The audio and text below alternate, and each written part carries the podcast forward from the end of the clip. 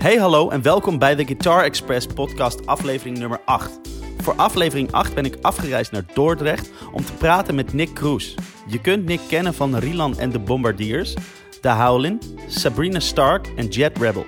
Een paar weken geleden heb ik jullie via Instagram gevraagd of je liever naar een lange of een korte podcast luistert. Uit de poll kwam heel duidelijk dat de meerderheid van de luisteraars toch liever een kort gesprek heeft. En dat is erg fijn om te weten, maar uiteindelijk heb ik er precies niets mee gedaan. Het gesprek met Nick zit namelijk op bijna 2,5 uur. Joe Rogan, Eat Your Heart Out. Dus luister hem in meerdere delen zou ik zeggen. Of skip er een beetje doorheen. Maar het liefst, luister hem gewoon helemaal. Het is echt een heel leuk gesprek en Nick is een wijze gast. In deze aflevering praten we over zijn tijd op de haven voor muziek en dans, blues, in een bandje spelen met je vrienden, lesgeven, jet, leeg zijn, gitaarretoriek, teruggaan naar waar het om draait, improvisatie en zelfkritiek, USA en de wortels van muziek, harmony, Kalamazoo, stretch, pedalen en fuzz. Heb je nou een goed idee, opbouwende kritiek, een idee voor een goede podcastgast of niets meer dan lof? Mail me op leon at theguitarexpress.com of slide in mijn DM op Insta, at. Nou goed, succes me met deze kluif en bovenal veel plezier.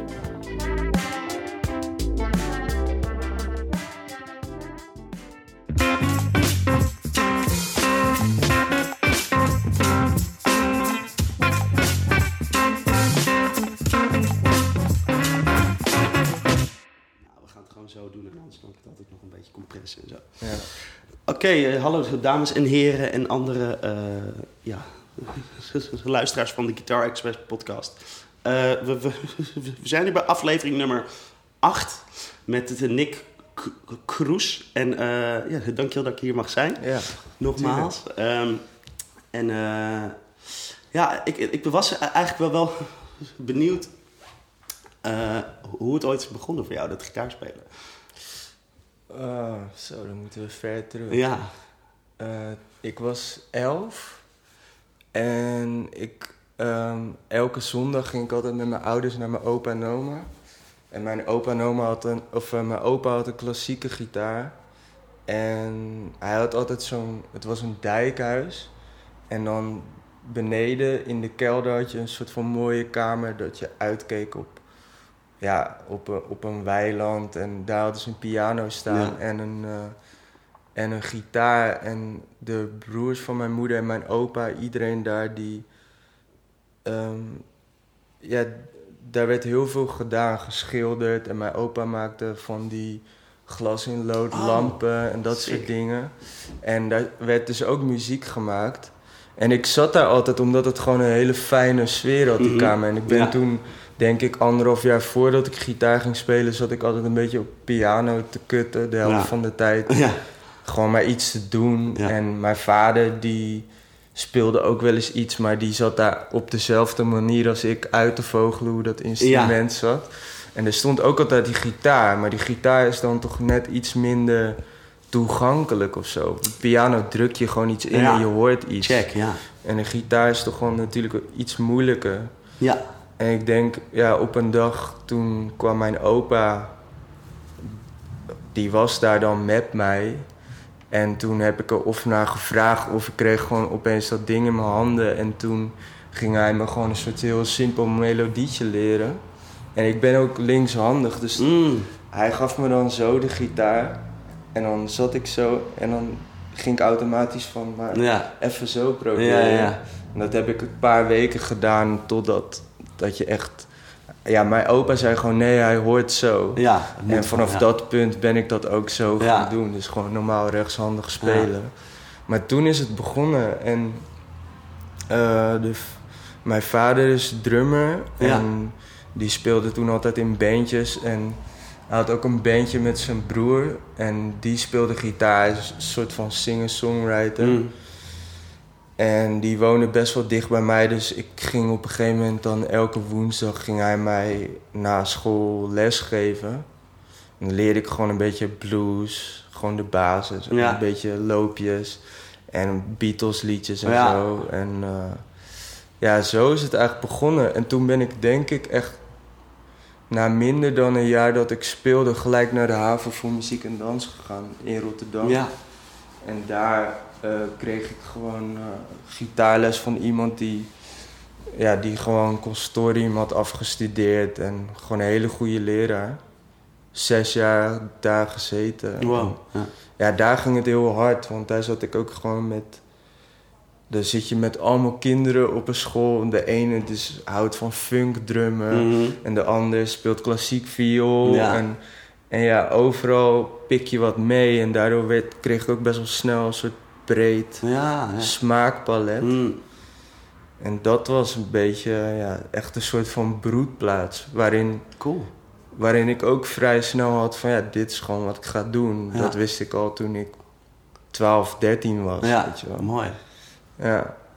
Dus ja, zo is het gegaan. Ja, ja, precies. Ja. En weet je nog, nog wat dan die eerste, eerste nummers of eerste muziek of artiest was waarvan je dacht van... dat- dat je voor het eerst echt bij je, bij, bij je, je, je resoneerde, zeg maar. Ik denk. ehm, ja, mijn vader had toen ook een, een bluesbandje. Dat, ja, we hadden het net al even over, eh, over Dusty. Hm. Dat was ook met zijn vader. En ja, die speelden allemaal een beetje van die. Ja, wat is dat voor blues? Eh, ja, een beetje artiesten uit Austin, Texas, zeg Mm. maar, die hoek. En Mm, ook mm. Jimmy Van en Mm, de mm, Fabulous Thunderbirds. Dat was, wa- was allemaal... Ik vond die blues gewoon heel vet. Ja. En dat triggerde mij wel echt. Dat wilde ik gewoon graag. En toen ontmoette ik op een gegeven moment ook Dusty. En die was al een stuk verder. En hij leerde me... Ik hoorde hem spelen. En ik dacht alleen maar van... Ja, wat hij doet, dat wil ik ook kunnen, weet je wel. Dus hij leerde me ook gewoon af en toe iets. En... maar ik denk, een soort van eerste grote held toen was, denk Stevie Ray Vaughan Mm, wel. Toen mm, ik dat mm, zag, mm. dacht ik van ja, dat is wat ik ga doen. En dan zit je op een gegeven moment op die muziekhaven en dan denk je ook van... Als ik vanavond nou even dit echt... Op een gegeven moment ging die ehm scuttle button leren. Ja, ja. En dan zat ik echt thuis uren te oefenen. Ja. En ik dacht ook... Dan denk je ook echt zo van... Als ik dit morgen op school kan laten Ja, ja, ja. horen, jongen. Weet je wel, zo ging het een beetje. Vet. Dat, maar, maar dat is dan mooi eigenlijk, dat dat heel erg eh, je, je, pusht, omdat je dan inderdaad dat dan wil horen, laten horen de volgende ochtend. Ja, ja. Dan is dat echt een soort van om, omgeving waar ook dat, eh, waar iedereen harder zijn best doet. of. Ja, ja.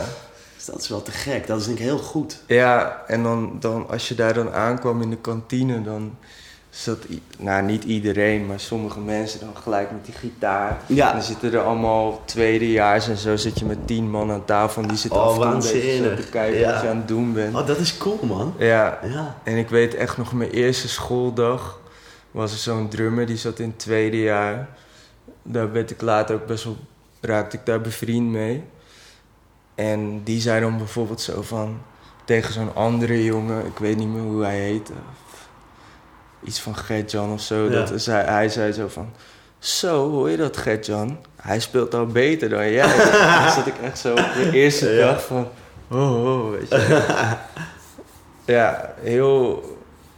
Dat was een, was een hele mooie tijd. Zeker dat, dat eerste jaar. Ja. Dan, ja, dan heb je ook nog helemaal geen idee wat er allemaal mogelijk is. Mm, weet je wel. mm. En dan ben je ook gewoon heel... eh, ja, puur naïef ook. Ja, van, heerlijk, ja. Nou, misschien ga ik ooit nog wel de wereld veroveren. Maar tegelijkertijd heb je geen idee hoe je dat gaat doen. Nee. Ja, nee, dat was echt een leuke school. Ik denk wel echt de beste school die je kan Cool. doen. Ja, de, de- ja, de- dus, ja, want ik heb wel eens, eens- eens vaker eh, eh, van mensen gehoord die daar hebben gezeten of zo, maar nooit heel duidelijk gehoord hoe dat dan daar was of zo. Maar dit is wel. Dus dit klinkt te gek. Ja, dat was heel leuk. Het was... ehm, je had zeg maar vier uur in de week muziekles. En dan een half uur of drie kwartier of zo gitaarles in de week. Oh, echt? Ja, ook echt instrumentles. Ja, en dan had je ehm, op een gegeven moment kreeg, had je dan vanaf de tweede of derde had je ook ensembles en bij je gitaarles deed je dan ook overgangsaudities en dan moest je ook met een band repeteren. En dat ging dan onder leiding van mijn gitaarleraar. Ja. Maar dus, ja, wat een soort wekelijks ding was, was in ieder geval die vier uur muziekles. en die leraar leerde je dan gewoon echt, ja, eh, lezen Ja, en solfège. Oh. En, en we hadden altijd zo'n boekje, maat en ritme, dat je ritmes moest Ja. klappen en dat soort dingen. Joh. En ook gewoon liedjes zingen. En ja, heel veel eh, over dat je elk instrument wist te benoemen en in te vallen. Dus dat werd al gelijk. Er zijn nu ook, weet je, van die quintencirkel dingen. Dat werd echt in de eerste of tweede klas al erin gestaan. Ja. Dus dat, dat weet ik nu nog steeds, Ja, weet je wel. Ja. En eh, ja, dus. Het, en voor de rest was het gewoon een normale HAVO. Ja. Maar elke tien minuten dat je niks hoefde te doen, zat, zaten mensen gewoon in de gang. Nou, vaak vonden die eh, docenten dat niet altijd goed dat je in de gang ging Nee, spelen. want ja, ik. als je Ja, op een gegeven moment hele orkesten hoort in de gang, terwijl er ook lessen bezig zijn. ja, dat is natuurlijk... Maar iedereen deed dat natuurlijk alsnog wel. Ja, ja. Duizend keer eh, op mijn flikken gekregen. Dat was, oh ja, dat was wel grappig, want ik had dus op een gegeven moment... eh, ik mocht ook altijd op Dusty's gitaar spelen, dat lag dan in de gang. En dan kon ik die gewoon pakken als hij dan, want hij zat in een andere klas. Ik weet nog dat hij een keertje, of ik had een keer zijn gitaar gepakt en toen was ik gewoon aan het spelen.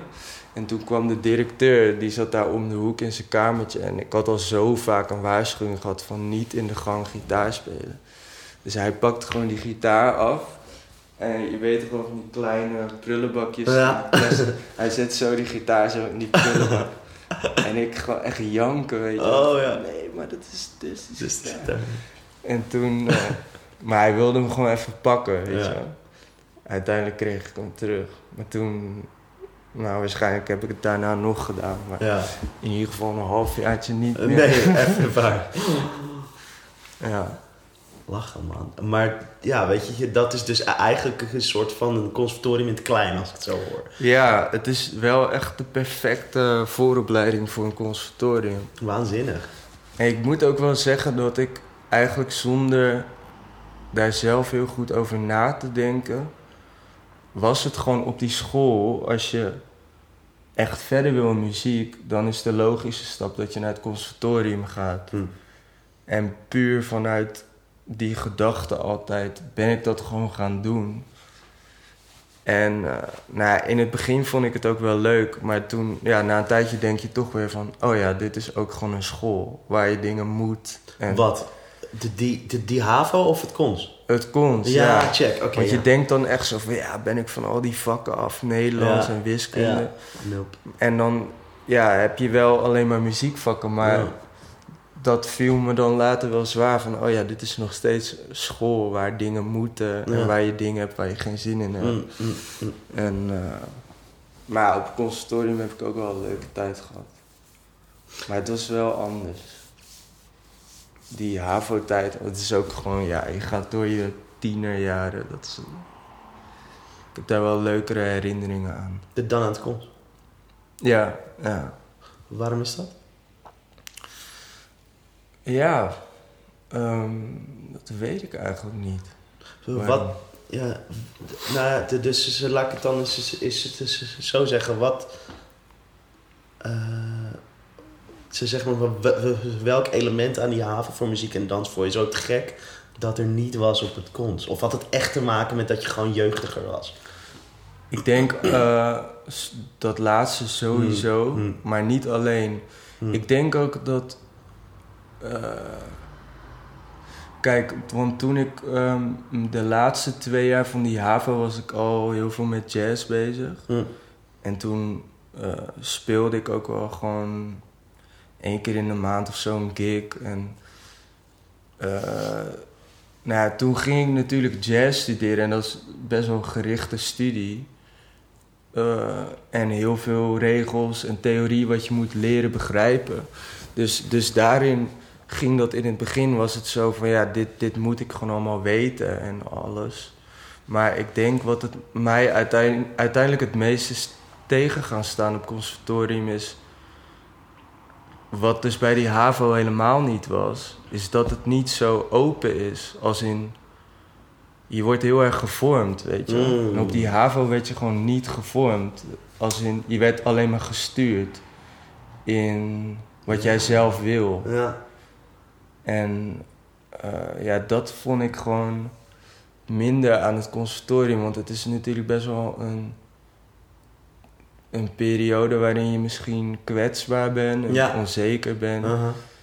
En nou, ik had bijvoorbeeld ook met jazz zo'n ding van... Ik was dat zoveel aan het oefenen. En toen na anderhalf jaar dacht ik van... Ik heb gewoon best wel een brede achtergrond als het gaat om stijlen. Mhm. En ja, wat ik zei, ik kom wel echt een soort van vanuit de blues. Ja. En na een jaartje jazz studeren of langer nog... was ik gewoon een keer aan het spelen. En toen dacht ik van... Maar waarom band ik nooit meer, weet je wel? Ja. Dat doe ik helemaal niet meer. Ja. En dat vond ik eigenlijk heel erg. Ja. Van, maar dat, daarom, dat was een van de dingen wa- wat ik vet vond aan gitaar. Ja. En dat heb ik eigenlijk onbewust mezelf afgeleerd. Ja, want, want dat hoort natuurlijk niet Nee, in, in dat, dat doe je niet als jazzer of zo. nee ik, ik denk niet dat, dat die docenten me raar hadden aangekeken als ik dat af en toe eens zou doen. Nee. Maar je, je doet het gewoon niet meer of zo. Dat denk toch dat, i, dat iedereen om je heen speelt op een, be- op een bepaalde manier. Dus je gaat dat... Ja. Ja. Ja, en, en dat zijn allemaal van die kleine dingen. Van, ehm, en ja, weet je wel, je bent op een gegeven moment zo gericht met een soort van ambacht als in gitaar spelen. Mm. Ja. En, en zeker op zo'n school. En dat zie ik ook aan heel veel mensen die zo'n school hebben gedaan. Van je moet een soort van afkicken. En Ja, daarna, daarna Ja, pas gaan mensen ontdekken wie ze willen zijn als muzikant. Ja, man. Ja, dat is echt voor iedereen is dat het ding. Ja, ja. Dus, dus daarom, eh, misschien is dat een goede uitleg. Ja. Vond, wat, vond ik die HAVO eh, Ja. leuker. Ja. En nu zie ik soms wel eens. Ik, ik, ik heb daar nooit gezeten en ik ken ook niet veel mensen die er zitten, maar ik zie wel heel vaak van de Herman Brood bijvoorbeeld. Ja. Bandjes waarvan ik denk van ja, dit, dit klinkt niet.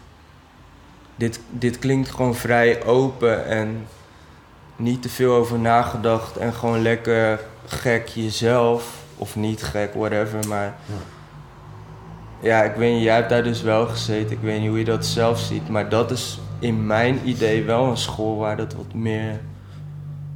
Waar, het, waar meer de nadruk misschien ligt op eigenheid. Nou, wat op de pop in Amsterdam, wat Ja. ik uiteindelijk ben Ja. gaan doen, had je dat ook wel. Maar toch, ja. ja. Ik weet het niet. Je hebt dan ook echt zo van die eh, leraren die echt best wel een soort van hoge status hebben, veel bereikt. En ja, je gaat ze automatisch soort van adoreren, terwijl je als muzikant natuurlijk eigenlijk juist soort van heel rebels zou moeten zijn. Mm. Om te doen, om iets anders te doen, Ja, toch? ja. Ja, dat, zo, dat, zo ervaar ik dat in ieder geval. Ja.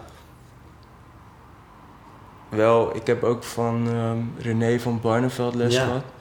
Hij was dan wel voor mij wel echt zo'n docent die gewoon jou ziet in wat je doet en daarin vooral aan het sturen is en gewoon opbouwende kritiek van ja, misschien kan je dit wel net Mhm. even zo. Mm. En als ik dan zou zeggen van nee, dat wil ik helemaal niet, dan Ja, oké, dan, ja, dan, gaan we het daar niet meer over hebben. Cool, ja. Weet je wel, tenzij het echt iets heel onzinnigs is. Maar Ja, oké. ja. ja, dat, dat vond ik wel. eh, nou, ik, ik heb aan elke docent wel goede herinneringen op een bepaalde manier. Iedereen brengt je wel iets bij natuurlijk. Ja. Maar het zijn natuurlijk toch vaak mensen die dat zijn gaan doen, ook voor het geld natuurlijk. Niet omdat ze echt een docent willen zijn. Nee. En dat had ik op de haven voor muziek en dans wel. Die leraar was echt een leraar. En dat vond hij heel leuk. Mhm. De- de- dat heb je wel nodig, hè? Dat iemand, zeg maar, eh, ook, ook gepassioneerd is Ja. om, zeg maar, jonge mensen te helpen of, of bij te staan in, in hun, op hun reis of zo, weet je wel. Ja, ja zeker. Ja. Ja, dat was, dat was vet aan die leraar op de HAVO. Want toen ik op een gegeven moment jazz ging doen... dan, ehm, ja, was ik met dingen bezig. En dan zei hij weer van... En eh, dan had hij me voor het eerst geïntroduceerd met eh, Jim Hall. Mm. En dan zei hij van, ja, dan moet je even deze plaat met Paul Desmond en dan dat nummer. Daar speelt hij echt een mooie solo. Mm. En dan ging ik naar huis en dan zat ik helemaal, Ja. oh ja, dit is echt vet, weet je. Ja, ja, ja. Gewoon, ik werd een soort van op reis gestuurd. Ja, ja, ja. Dat, eh, Mooi is dat, ja. ja, dat was heel leuk, ja. Ja, ja, dat is jammer dat het niet zo wordt gedaan op de cons, hè? Ja, maar ja, ook wat hoe doe je zijn? dat, weet je wel? Hoe bedoel je, hoe doe je dat? Nou ja, eh, hoe geef je goed les? Dat is moeilijk, ja, Ja. zeker. Ja, ja, zeker. Ja, ik moet zeggen dat ik dat nu al een aantal jaar doe en, en dat, ik het, dat ik het ook steeds leuker vind om te ontdekken hoe ik nou echt goed les kan geven.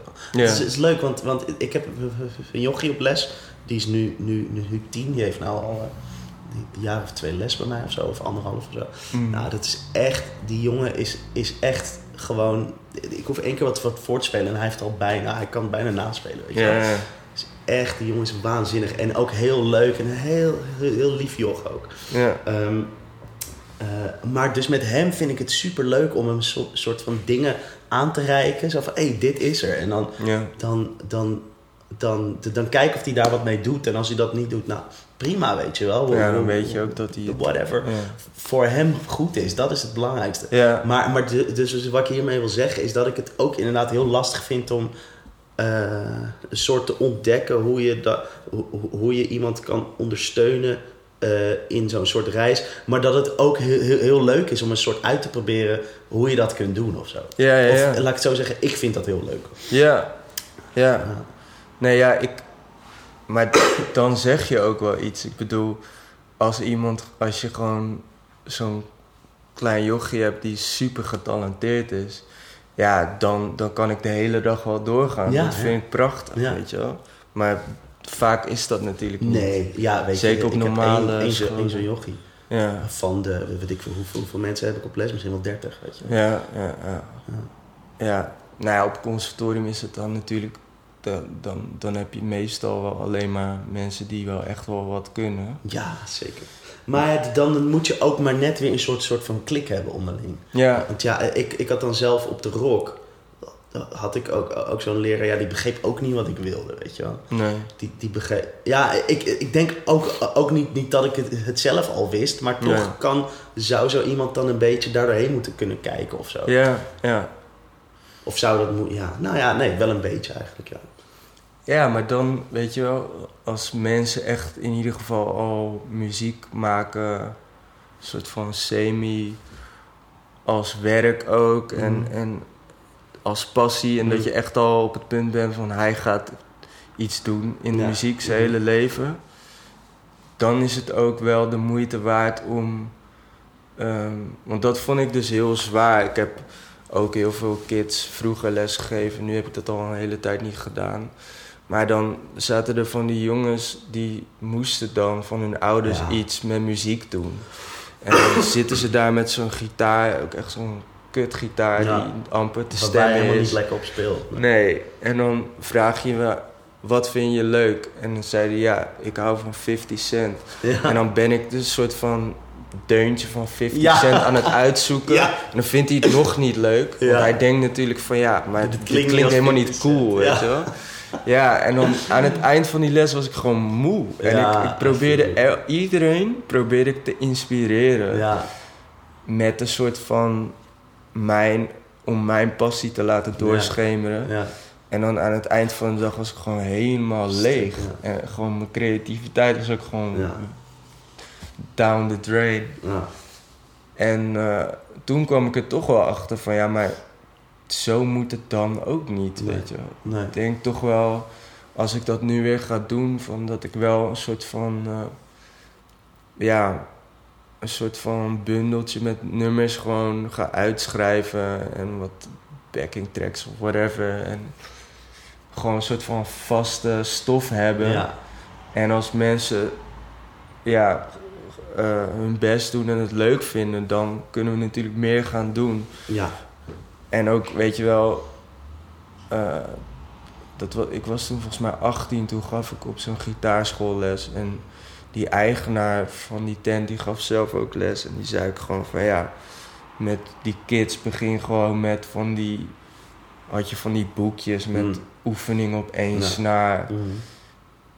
En ik dacht gewoon altijd van ja, maar dat is fucking gaar. Niemand vindt dat leuk. Nee. Maar dat is toch eigenlijk wel slim om dat gewoon Ja. te doen, weet je wel. Ja, ik moet wel veel zeggen dat ik dat... Ik, ik vind dat ook nog niet zo'n goede... eh, eh, zeg maar... Want je wil wel iets dat een beetje... Op muziek lijkt. Iets aan... Ja, en ook een beetje aan... Ja, dat. En een Ja. soort aanspreekt, weet je wel. Ja. Eh, en wat je net zei over dat je dan, dan aan het eind van zo'n dag lesgeven helemaal leeg bent van je energie of zo. Ja. Eh, ehm, ik, ik heb dat zelf ook ondervonden dat je dan inderdaad, want je wil heel de tijd iedereen inspireren en je wil heel de tijd, kijk nou, dit is leuk, weet je wel, hoe Mm. geweldig is dit? Dat, dat, dat wil je heel de tijd en, en dat, is, dat is inderdaad heel, heel lastig. En, maar wat het ook is, weet je wel, eh, met, met, op, op, op een gegeven moment begon ik te, te merken van, oké, bij deze werkt dat niet, bij, bij, bij, deze persoon en bij deze persoon werkt dat wel. Ja. Dus bij deze persoon moet ik gewoon, ja, gewoon wa- wat dingetjes meegeven, want er komt niks uit. Ja. En de, de, de, weet je, dan op, op een gegeven moment heb ik geleerd om een soort van die energie te, verdelen. Dus niet, niet bij iedereen waf, waf, waf, Nee, volle bak erin. Weet je wel, en, en dan inderdaad doodmoe aan het eind. Bij, bij, bij, bij, bij sommige mensen heb ik een soort van deze energie naar voren. En bij andere mensen heb ik meer deze energie, weet je Ja, wel. precies, Zo van, oké, ja. dan gaat het wat langzamer, maakt mij niet uit. Dan gaan we nu je huiswerk oefenen. Ja, precies. Ja. Weet je, want da- daar hoeft het ook niet. Of Ja. zo, weet je wel. Ja. Maar ja, ik moet wel zeggen dat ik het nu al wel best wel lang doe. En eh, dat het ook heel, heel lang. eh, dat het heel, heel lang heeft geduurd om daar een soort van uit te komen. En, en dat ik het nu nog steeds lastig vind. Ja. Zeg maar. maar Ja. Ja, je moet, je moet jezelf, je moet daarin ook wel jezelf af en toe opnieuw uitvinden, Ja, denk ik. Van, ja. ja, ja, je blijft nieuwe dingen bedenken natuurlijk. Ja. Maar dat is ook wel leuk eraan. Ja, wat ik eigenlijk tofste eraan vind, is dat je op een bepaalde manier echt technisch beter wordt met gitaarspelen door lesgeven. Hmm. Dat je gewoon heel veel dingen die je al vanzelf gaat op een gegeven moment echt weer gaat zien voor wat Ja. het is. En oh, daarom doe ik dat zo. Ja. En daarin komt ook een soort van. Be- bewustwording. Ja, ja, Ja, lachen. ja zeker. Ja. ja. Dat is leuk, is dat. Ja. Hmm. Ja, nee, dus, maar nu ben ik eh, even niet aan het lesgeven, maar ben wel weer van plan om te gaan doen. ja. Dus eh, misschien hier thuis of eh, op een school. ja. Hey, en, en dan een heel eventjes een, een heel, heel, heel, heel ander onderwerp. Want ik vind het leuk om even te praten met jou over, over de mensen waarmee je speelt, slash hebt gespeeld en zo. Mhm.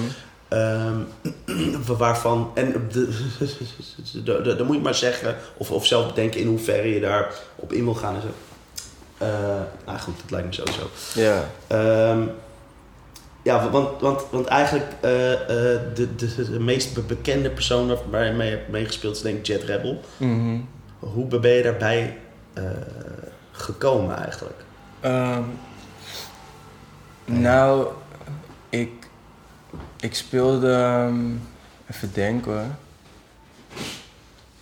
Ik speelde voor, voor Jet Rebel speelde ik al met Sabrina Stark en ook met eh Rilan en de Bombardiers. Nog wat andere dingen, maar ik weet dat hij. ehm, ja, op een gegeven moment heb je zo'n heel netwerk van muzikanten natuurlijk. En een van mijn eh, vrienden, Rick van Woord, dat was de eerste Ja. drummer van, van Jet Rebel. Toen, toen speelde hij daar ook nog. Dus via Rick had ik hem wel eens ook gewoon ontmoet. Ja. Maar gewoon een soort van ergens, weet ik veel, een club of zo, whatever. Ja. En ik weet dat op een gegeven moment post ik af en toe filmpjes op Instagram. En toen had hij daar enthousiast op gereageerd. Dat was denk ik de eerste keer dat hij een soort van contact maakte. Ja, ja. En toen hadden we een keertje in de Westgasfabriek, volgens mij op een of ander feest van Tony Chocoloni, speelde ik eerst met Rilan en na ons speelde Jet Rebel. En dat is denk ik de eerste keer dat hij mij zag spelen. Mm. En ja, toen destijds die band met Rilan was best wel een soort van energieke, beetje rock and roll Mm. en ja, meerdere invloeden, maar gewoon heel energiek, Mm. gewoon gitaar, drums, bas. En ik denk dat hij dat wel vet vond. En toen op een gegeven moment, ik denk twee of drie maanden daarna, werd ik gebeld door Jessica Manuputi. En dat, die zong toen achtergrond bij ja, hem. Ja, En zij is Molux en ja. ik ben Indisch. En zij wilde heel graag... Zij was al een tijd aan het nadenken van... ik wil iets met Molukse muziek doen. Omdat dat haar gewoon goed ligt. En Ja. ja, ik denk dat het een tijd heeft geduurd voordat ze erachter kwam van... dat is ook echt wel voor een deel mijn identiteit en mijn eigen ding. Mm. Dus dat werd een mooi project. En toen zei zij van ja, je bent niet Molux, maar ik denk dat jij dat heel goed kan. Want ik heb dan wel veel affiniteit met die Indonesische rootsmuziek. Mhm. Niet dat ik daar een soort van expert in ben, maar ik denk dat je het toch altijd op een bepaalde manier wel ook in mijn spel zou kunnen horen. Ja. En het heeft ook, die liedjes hebben best wel wat weg van country. En Ah, ja. ja, met die energie speel ik dat dan. En dat zijn we toen gaan doen. Maar toen gingen we een plaat met haar opnemen bij Jelte thuis. Oh, die, die heeft hij geproduceerd. Ja, en toen hebben we daar drie dagen gezeten. En toen, dat was echt de eerste keer dat ik echt met hem omging. Mm. En toen hadden we wel echt een klik. Mm. En de- daar hebben we ook gewoon, gewoon ook wel af en toe met, denk ik, met z'n tweeën ook gejamd. Mm. En hij hoorde mij natuurlijk heel tijd, hij was mij aan het opnemen in Ja, de studio. En ik denk dat er toen al een periode gaande was dat hij niet meer zo lekker ging met zijn huidige, met zijn toenmalige gitarist. En toen aan het eind van het jaar, toen ja, was hij dus op een gegeven moment op het idee gekomen van ik wil een andere gitarist. En toen had hij mij gevraagd. Maar dat was nog best wel een soort van crisis, want ik had toen zeg maar de Howlin, dat was beetje mijn eigen bandje met Mhm. allemaal vrienden. Mm. Daar was ik redelijk druk mee altijd en dat, dat was toen iets wat eigenlijk altijd mijn eerste prioriteit was. Mhm. Hoewel ik dan met Rilan veel meer speelde en ook gewoon beter verdiende. Mm. En met Sabrina Stark ook nog. En toen belde hij en toen dacht ik van, dat kan ik echt niet bij doen. Nee. Dat, dat gaat gewoon. Dan moet je echt keuzes maken. moet ik echt keuzes maken. en op dat moment was ik, ik eh, ja, hoe zat dat toen eigenlijk? Ja, ik leefde gewoon van muziek maken toen. Ja, Van gigs. wat, wat goed. En, en Sabrina was een beetje mijn main inkomen. Dus, en de Howlin was mijn bandje. Dus toen was het zo van ja, ik kwam op een punt van dan moet ik gewoon weg bij Rilan. Wat ook best wel pijnlijk was, want dat was echt een hele ehm, warme, kleine groep ook. We waren met z'n vieren. Mm.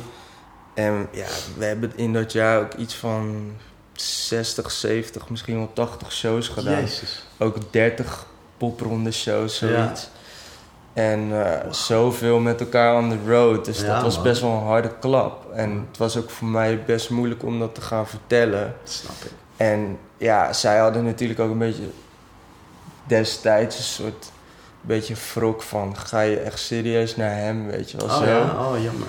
Ja, nou wat ik ook snap, want Ja. wij waren helemaal op ons eh, vliegtuig en Ja. dan wil je opeens. Maar ja, dus toen eh, ja, had hij mij gevraagd en toen heb ik dus dat in werking moeten zetten, dat ik bij Rilan wegging. En toen begon het eigenlijk die maand daarna gelijk met eh Noorderslag. Mm.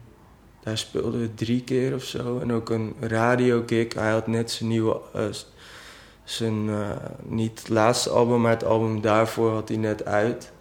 Gingen we daar de single voor het eerst spelen. En eh, ja, hadden we nog een promo op Noorderslag. En dan nog in een grote zaal. En ja, we hadden drie of vier keer gespeeld.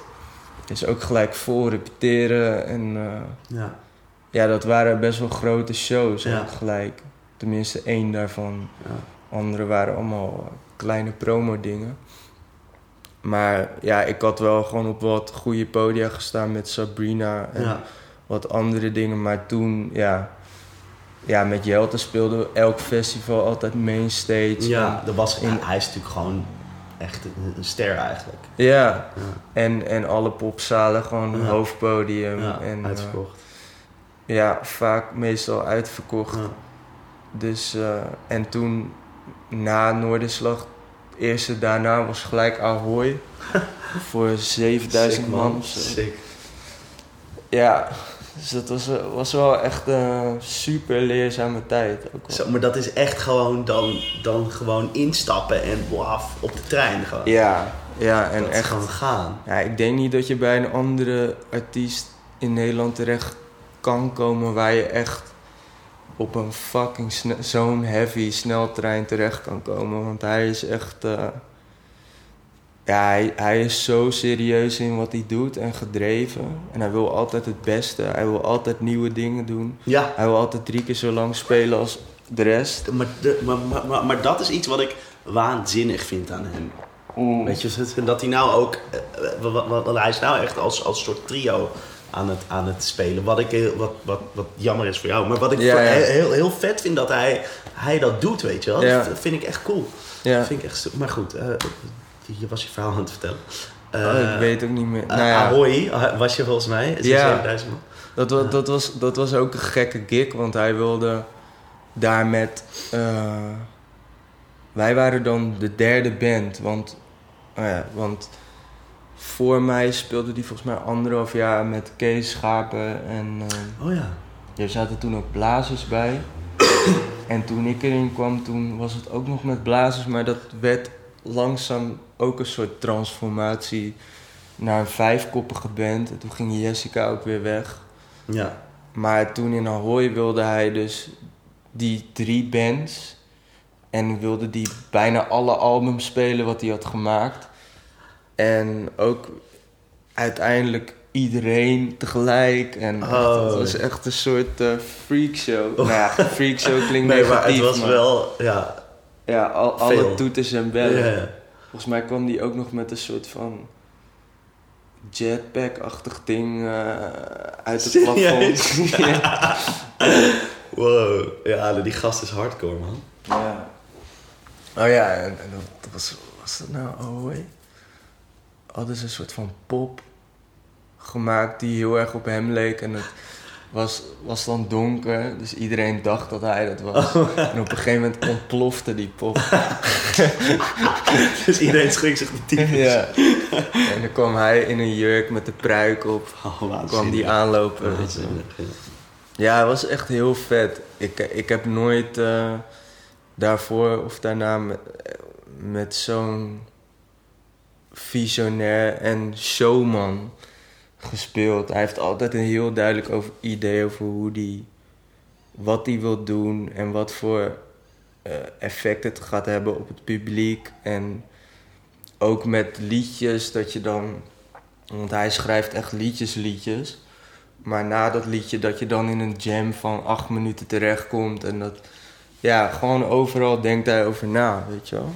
Vet Het was heel inspirerend. Ook, ook om eh, bij gitaar te spelen. Want ook met gitaar had hij altijd hele duidelijke ideeën van... Ik doe dit, ik wil een beetje dat jij dit en dit doet. Ja. En dan kan je, ben je hier binnen dit spectrum ben je dan vrij wat je wil. Ja. En daar wil ik echt even deze riff. En Ja. ook wel op die plek het liefst deze voicings. En Ja. dan... En ja, het was heel gek, want... Hij speelde daar dan echt mee van... Sommige dingen zijn heel vast. Hm. En op andere momenten zegt hij van... Speel jij gewoon. Vul- Ja. Kleur jij het maar in Uh-huh. hoe je wil. Voor drie liedjes. Nou, meestal was het wel per liedje dan. Ja, snap ik. Maar ja, we wisselden superveel van een soort van beetje strakke 70s pop rock. Ja. En dan weer soul en deden we ook blues en funk. En functioneel ga je dan ook ja, steeds in een soort van andere modus. En als je dat allemaal in een rotgang achter elkaar doet, soms was het echt van ja, hoe, hoe doe je dit ook alweer, weet je wel? Ja. Eh, hoe werkt dit? En ik heb net een kwartier allemaal slagjes staan spelen. Ja, En nu moet je weer... Moet ik iets weer gaan inkleuren of weet ik veel wat. Ja. Het was, eh, ja, en dat zeg ik ook wel eerlijk, het was bij tijd en wijle ook echt loodzwaar. Ja? Zeker als je dan drie uur speelt of zo. Lang, man. ja, Jezus. dat is echt lang. Het langste wat we hebben gespeeld was in Paradiso. Dat was eh 1 januari, geloof ik, Oh, 2018. ja. En toen speelden we met allemaal gasten ook. Met eh, Henny deed nog mee en Anton Goudsmit en Oh. eh, Maradoni, weet je Oh, wel. ja, ja. En eh, Fred, die van Ja? Lekker Fred van, eh, Van, van de jeugd. van de jeugd. Oh, waanzin. Met hem gespeeld? Dat vet. Ja, en wie, ja, ik weet niet of dat het dan was. En dan speelde gewoon ook gewoon de, onze show. En we hebben toen vier uur, vier en een half uur achter elkaar gespeeld. Jezus. Zonder te stoppen. Tenminste, af en toe kon ik Oh. af, want dan ging Ja. Anton even iets doen. Ja, dus dan kon je even ja. wat drinken. Ja, maar dan kom je echt. eh, dan zit je één nummer of twee. En dan kom je hijgend het podium af. En je gaat nog steeds gewoon hijgend het podium Ja. weer op. Gewoon. Maar, maar, maar, maar dat is toch voor de mensen in de zaal, die, die zijn er ook niet meer bij, toch wel? Of wel? Nee, ik moet wel zeggen dat die show. Dat, dat er wel. Ik denk op een gegeven moment. Aan het eind. Dat er wel zeker wat 30% weg was. Ja, dat snap ik. Want, en het was in Paradiso dan, het stond helemaal vol. En dan aan het eind zijn er echt wel veel mensen weggegaan. Want er moesten ook gewoon mensen de, trein halen. Ja, ja, ja. ja. We speelden echt van acht tot half één. Jezus, man. En daarna ging hij nog een DJ-set doen in de bovenzaal. Ja, die jongen Deze is echt, cat, man. Ja, die is Oh, echt shit. onvermoeibaar. Wel, wel waanzinnig. Ja. Zijn wij nou al bijna twee uur aan Nee, nee, nee. nee Oh. dat, dat, dat eentje staat voor, voor het eerste uur, zeg. Oh, oké. Ja. ik dacht al. Ja, maar d- dan had ik ook de eerste keer dat ik dacht, tering. Hè? Dat kan helemaal niet, man. Nee. Nee. Nee, maar goed, ja, dat is echt een grote leerschool geweest. Ja, cool, man. Ja. En eh, wil je, wil je eh, het hebben over dat het toen in één keer over was, of wil je dat niet eh, bespreken? ja, nou ja, dus, dus wat je zei, hij wilde op een gegeven moment een trio-ding Ja. doen. En, nou ja, weet je wel. Dat is grappig aan dit interview, dat je dan soms denkt van... Zouden die mensen dat dan ook gaan horen? Maar dat boeit ook niet, want iedereen weet hoe het is gegaan. Ja. Toen de tijd kwam dat best wel onverwachts. En ehm, ja, dat was toen even lastig. Maar Ja. natuurlijk, ja, je, je respecteer je die keus Ja. van je wil weer een andere kant Ja, op. Dan, dat is je goed recht, weet je wel. En dat is ook iets wat bij hem hoort om, eh, om, steeds, ja, om, om steeds weer een andere weg in te blijven slaan. Ja. Ik denk dat dat ook gewoon, ja, dat heeft sowieso met zijn karakter te maken. En dat hij gewoon zoveel van verschillende muziek houdt. En eh, Dat ik wil doen dan. ja, en dus, nou ja, voor mij was het toen. ehm, ik was toen. eh, dat is best wel gek, want ik heb twee jaar bij hem gespeeld. En na het eerste jaar, tegen het eind van. Wat is dat dan? 2016, denk ik. Ja. Toen, toen was ik best wel echt heel erg vermoeid ik, ik denk zeg maar zelf achteraf gezien een soort van richt, licht, lichtelijk richting een burn-out. En het jaar daarop had ik dat weer en toen was het nog iets erger.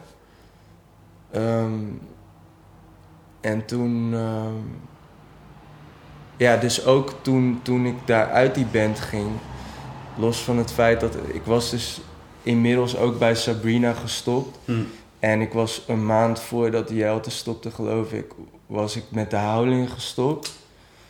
Omdat dat, dat liep eigenlijk een beetje gewoon spaak. Ehm, en ik dacht gewoon van, toen dacht ik al van, ik ga gewoon met Jelte spelen. En in de tussentijd, want ik, dat was wel chill aan hem, van ja, je verdiende daar gewoon best wel veel. En ja, je repeteert dan eh, een paar keer in de maand, twee, Mm. drie keer. En je speelt eh, vijf, zes keer. En de rest van de maand was ik gewoon vrij. Ik kon echt doen wat ik wilde. Ik kon op vakantie. Oh, dat is heel relaxed. Ja, het was echt super goed. Maar, ehm, wat was nou eigenlijk mijn punt? De, eh, hoe heet het? Je had het in, in, in, in de, de eerste instantie had je het over dat je twee jaar achter elkaar in zo'n soort van net geen burn-out. Ja, ja, was ja. ja. En nou, het is, ik had op een gegeven moment alleen eh, dat nog over, Ja. dat ik met hem speelde. Ja. Toen stopte dat en toen was ik dus ook, ja, in, in. Ik weet niet zeker. Ja, ik denk ook wel in creatief opzicht, maar ook gewoon als gitarist zelf was ik een beetje dus een beetje opgebrand Mm. van. ehm, en zeker ook dan als ik dingen buiten Jet Rebel deed, waar ik dan in principe, ja, dan kom je daar en dan moet je iets gewoon doen met die gitaar. en iedereen weet van hij kan dit en dit en Ja. dit. En dan was het zo van, ja, doe een beetje dat. En ik weet dat dan heel snel van, oh ja, je wil zeker dit horen of Ja, dit of ja. dit of dit. Dan doe ik het een beetje op mijn eigen manier. Ja. Maar dan elke keer als ik de bevestiging kreeg van, ja, dat vind ik, vind ik nice Ja. dan voelde dat voor mij een soort van cheap of zo. Alsof, ik, alsof ik een soort van Wauw. ja, broodje voor serveer van Ja. dit wil je toch, Ja. weet je wel. En toen was ik het gewoon een beetje zat. Dus ik dacht ook van... Ik kan wel op Facebook of whatever zetten van... Ik ben vrij, Ja. bel me, Ja. weet je wel. Ja. Ik zit niet meer in een band. En ook iedereen om me heen zei van... Als mensen weten dat jij Ja. geen band hebt, staat je telefoon op rood. Elke keer als mensen dat zeiden, dacht ik, ja, maar dat wil ik helemaal niet. Nee. Ik vind het zo, zo stoer dat je dan dat voelt en dat je dat dan ook zo doet van nee, ik ga even niet spelen. Dat vind ik echt knap, man. Ja. ja maar het, ik snap wel dat je dat zegt, maar op dat moment was het eerder knap om het wel te doen. Want het stond me gewoon zo tegen. Ja, nou, nou, ja, nou ja, oké, dat be- begrijp ik heel erg. Maar ik, ik vind het gewoon heel knap dat je soort van bij gevoel blijft. Maar dat is omdat ik daar soms moeite mee heb. Ja, maar ik ben wel echt eh, tot het punt gedwongen dat ik gewoon niet Ja, meer anders je kon. moest, je, je kon niet anders. Ja. ja zo klinkt het ook. En, en, en ik was ook gewoon, ja. Ik had er heel veel stress van als Ja. ik dingen moest instuderen. Ja, En ik eh, was vaak gewoon moody. En eh, nou, dat heb ik altijd in bands gehad. Behalve dan bij Jelte, omdat hij zo goed altijd wist wat hij wilde doen. Maar dat ik me altijd ging bemoeien met ja, liedjes. En. Of ik schreef altijd mee en arrangeren. En ik wilde het altijd allemaal anders. ja. En, en ja, dan kom je echt op zo'n punt van ik moet gewoon zelf wat gaan doen, weet je wel. Want ik hou zo van schrijven en als ik een liedje schrijf, dan komt dat of vanuit de gitaar of ik heb een idee waar ik een gitaar omheen bouw en dan komt het vanuit een soort veel diepere plek, weet je wel. En dan vind ik het wel leuk. Maar niet als iemand tegen mij zegt, Nee. speel een beetje Ja. zo'n soort van John Mayer. Ja, Dan oh, denk ja ik dat, van- oh, ik snap. Ja, ik, dat begrijp ik heel erg. Of, Ja, of, want- of, of, of al is het Blake Mills of zo, wel iemand die wel, wel cool is. cool ja, is. Maar dan, dan nog denk ik van, oh je wilt dat. En dan Ja. doe je zo iets met slide of whatever. Ja. En dan, ja, te ja, dat bedoel ik man. Ja. Dan denk ik, Dus, dus, ja, de- de- dan vind de- ik dan die is het track al dus niet eens van- vet. Ja, maar de, dan, de, de- dan is het dus eigenlijk van ze willen eigenlijk hem. Maar, Ja. maar dat kan niet. Dus dan Ja. vragen ze Nick en die Ja. kan ook slide, weet je. Ja, ja. ik snap het helemaal. Maar, maar, maar de, dat, de, dat is überhaupt wat ik heb. Want ik, ik heb wel eens we- best wel vaak met zo'n coverband gespeeld. Echt zo'n Mm. feest- en partijband. Super kut eigenlijk, maar oké. Ja. En het enige wat, wat, wat, wat, wat de, de, de rol is van de gitaar daar, is eh, eh, de, dat, de, dat de, de mensen weten dat een gitaar kan scheuren of zo.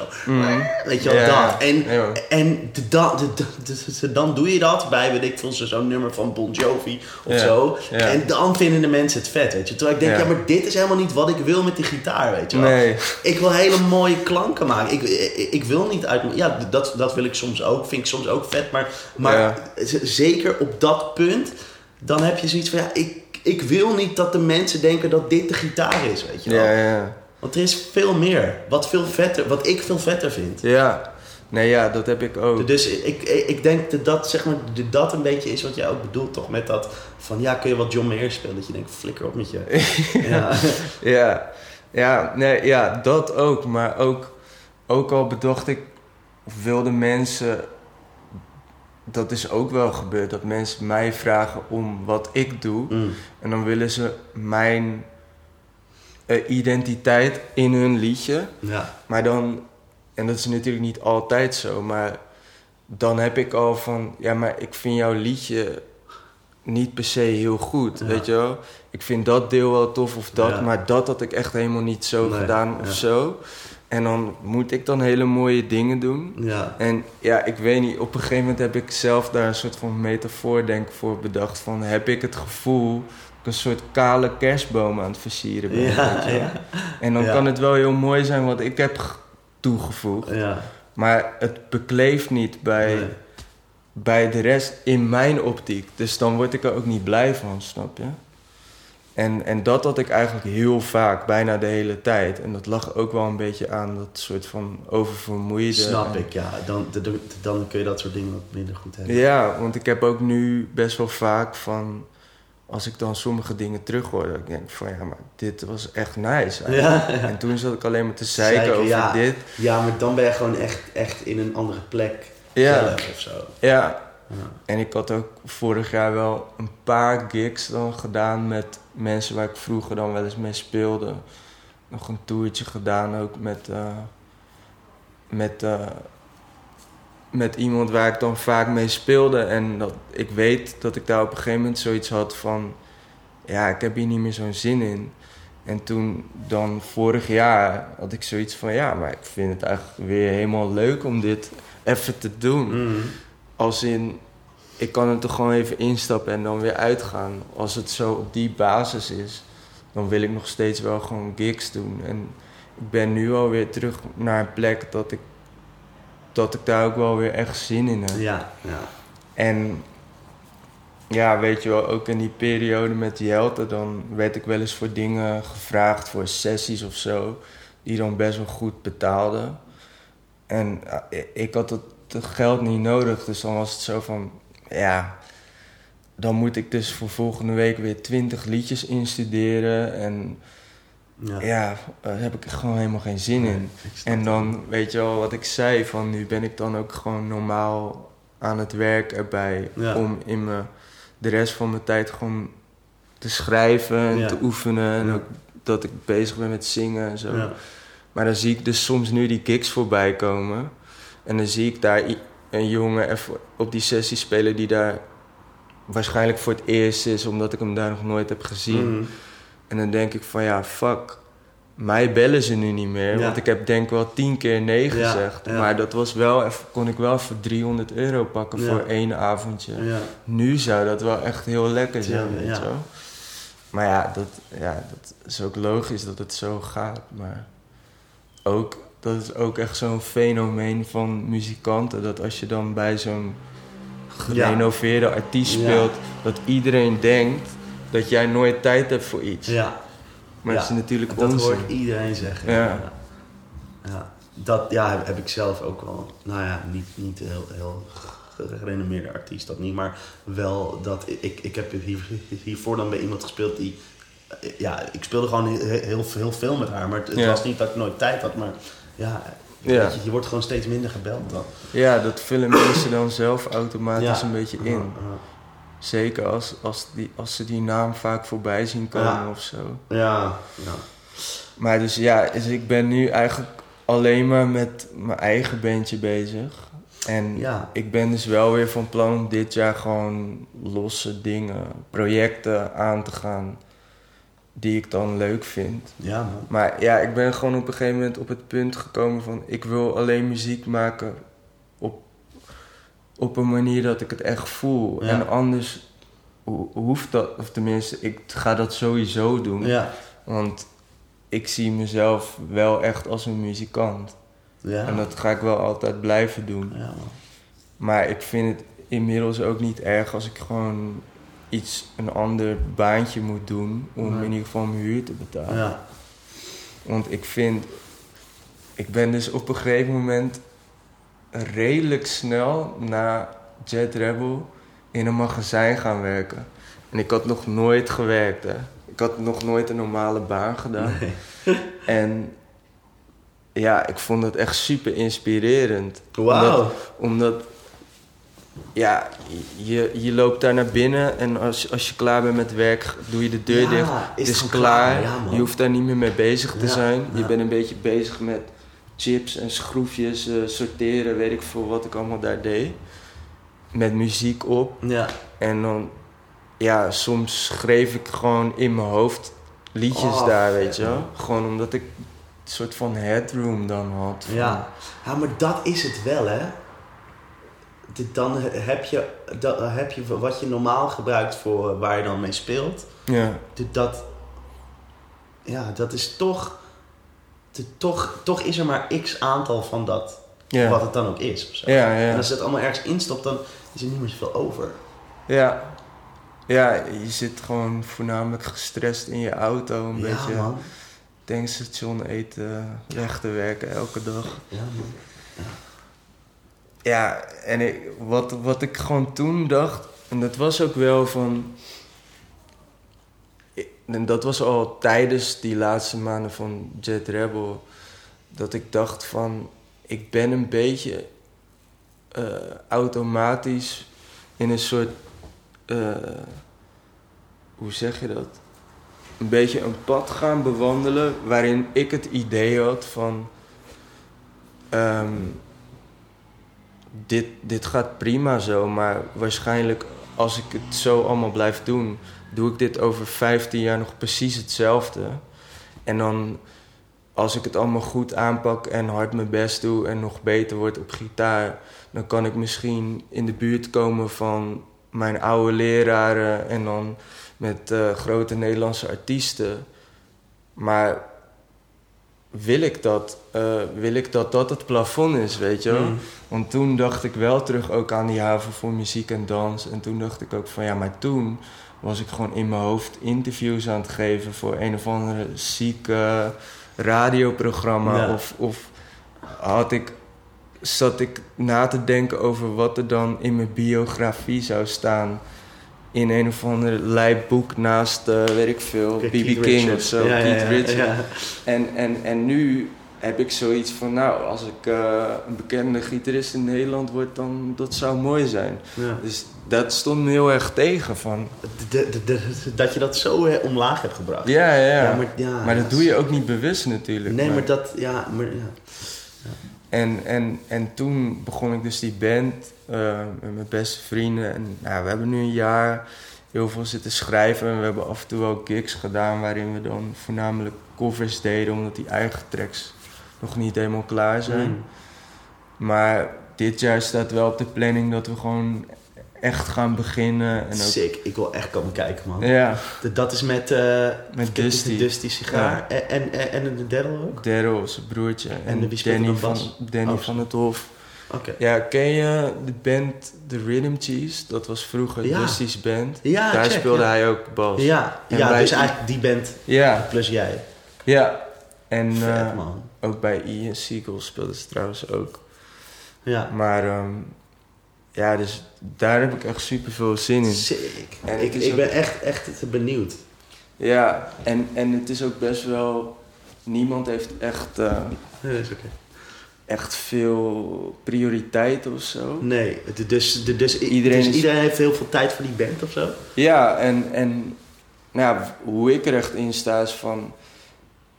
Weet je wel, onze mu- muziek die wij maken is... Ja, dat, dat gaat niet voor of na een maan of een uh, Little Kleine op de radio worden gedraaid.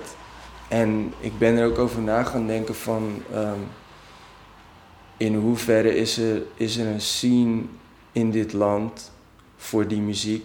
Ja. In, in hoeverre kan je daar letterlijk van leven? Kan je eigenlijk drie, vier, vijf keer per week spelen? Dat kan bijna niet, weet je wel. En toen heb ik ook zitten denken van waar, komt onze, waar komen al onze invloeden vandaan? Voornamelijk Amerika. Ja.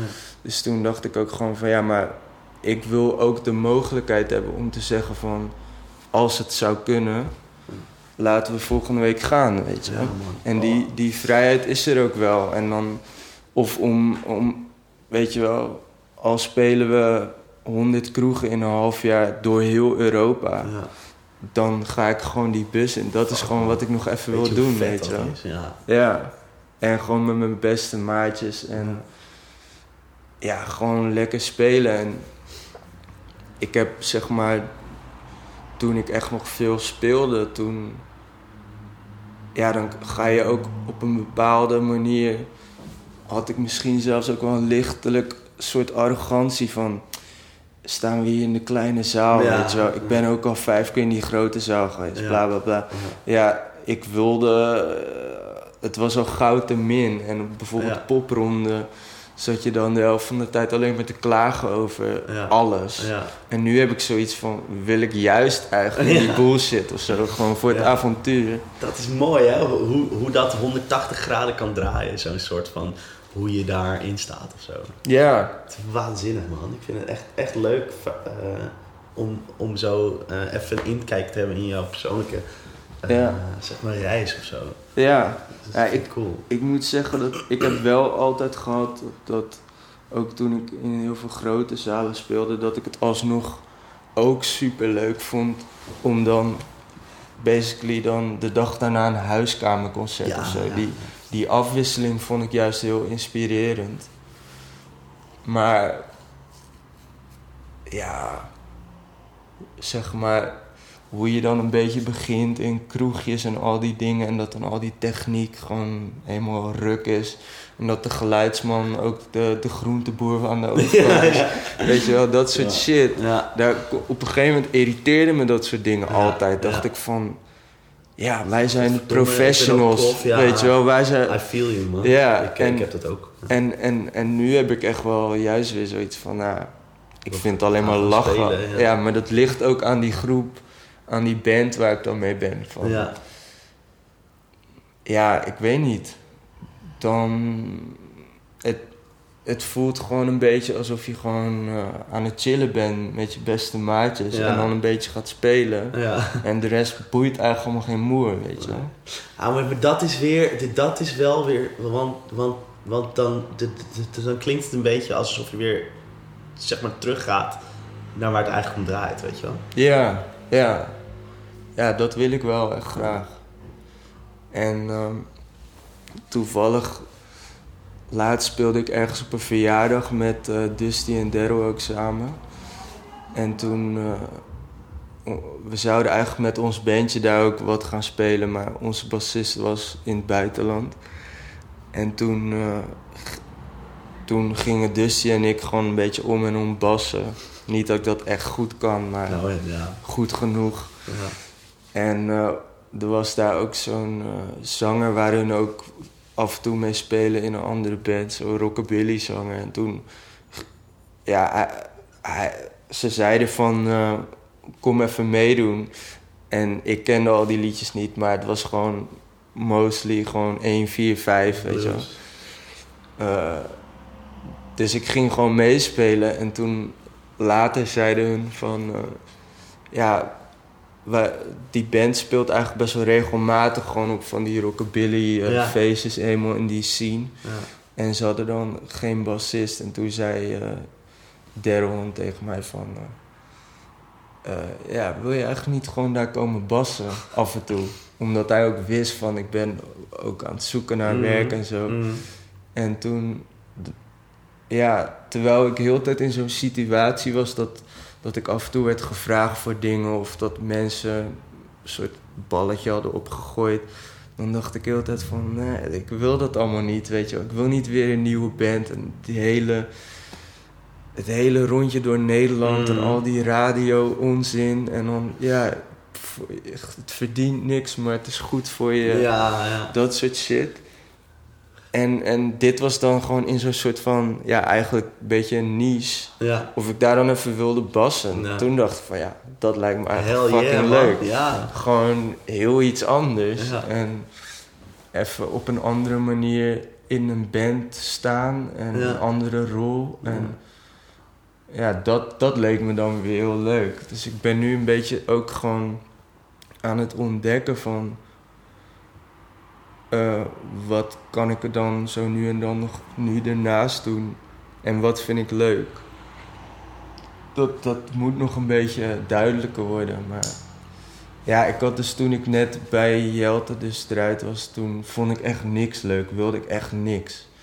En nu, nu heb ik juist wel best wel veel zin om, eh, om dingen te doen. Maar eh, ja. Leuk man. Nou, maar, Ja. maar, maar, maar, maar dat is een fijn gevoel, kan ik me voorstellen. Ja, Dat ja je gewoon zeker. weer echt zin hebt erin of zo. Ja, Ja, wat, wat, wat, wat, wat- want dat is het jammer aan als je dit werk doet. Dat je eh, soms ze zo, ze zeg maar, caught up in dit raakt dat je het niet meer leuk vindt op een gegeven moment. Je denkt, what the fuck, ik sta als, als je er op, objectief naar kijkt, denk je, what the fuck, ik sta fucking gitaar te spelen en ik krijg geld, weet je wel. Dat is Ja. zo mooiste dat er is. Maar toch kan ja, het, dat zegt iedereen zo- altijd inderdaad. Ja. het kan het zo de andere kant op draaien op een gegeven moment. ja, De, de, de, de, de- en puur gewoon omdat je te druk... Niet omdat het niet leuk is of zo. Maar, maar puur omdat je te druk bent en ja. er te, ja, ik weet niet, er er te veel druk op je ligt of zo. Maar het is net hoe jij het zelf zei. Van, voor mij is het, is het zeg maar niet leuk als het voelt als werk. Ja, ja. Ik wil gewoon niet Ja. dat het gaat Nee. voelen als werk, weet je wel? Als een soort patroon of zo. Ja. En dat, dat heb ik ook binnen muziek maken. Als ik... eh, ja, als ik ook een soort van heel erg in patronen dingen schrijf... of eh, altijd één manier zou hebben om een liedje te maken... of een- om een solo op te bouwen... dat, dat gaat me altijd tegenstaan, weet je wel? Hm. dan wil ik, het, wil ik gewoon ergens eh, ja, mezelf weer opnieuw uitvinden. Maar soms is dat ook wel vermoeiend of zo. Van, Ja. soms sta je dan, weet je wel, is er een jam sessie en dan is er gewoon een gitarist die, die gewoon wel vet is en Ja. die speelt coole dingen. En dan hoor je helemaal van, hij heeft een duidelijk idee hoe hij deze solo dan instart en hij bouwt ergens naartoe en Mhm. dat en dat en dat. En dat kan ik op zich ook wel. Maar ik kom ook wel soms snel in een situatie dat ik dus dan letterlijk na tien maanden denk van... Ja, leuk gast, wat, wat ben je nou aan het doen, weet je wel?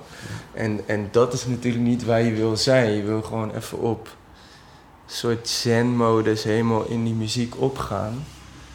En het irritante bij mij is, zodra ik daar dan dus maniertjes voor heb, dan kom ik daar al niet. Dus ik moet een soort van heel tijd, ja, heel open daarin gaan, Ja. weet je wel. Ja. Maar ja, soms komt het dan ook niet goed uit de verf of zo, wat je wil doen. Maar ik heb dat wel zo vaak gedaan, gewoon zo leren, dat is ook wel, denk ik, ja, iets wat, wat dan van mij wel wordt gevraagd in een band, van Ja. speel even solo of zo. Maar eh, ja, dus dat, dat er voor mij ook weer een soort van met patronen, zodra iets, een soort van, ehm, ja, ik weet het niet. Het moet gewoon, eh, Gewoon, vers blijven altijd. ja, ja, Dat is dus lachen, want ik... hoe heet dat? Het, het, toevallig heb ik hier zo gisteren... Het is er met een maatje van mij over gehad, met wie ik in de band speel. ja, Ehm, want want bij hem heb ik altijd, altijd het, het gevoel... Hij speelt accordeon, Mhm. maar echt heel goed. En echt een beetje...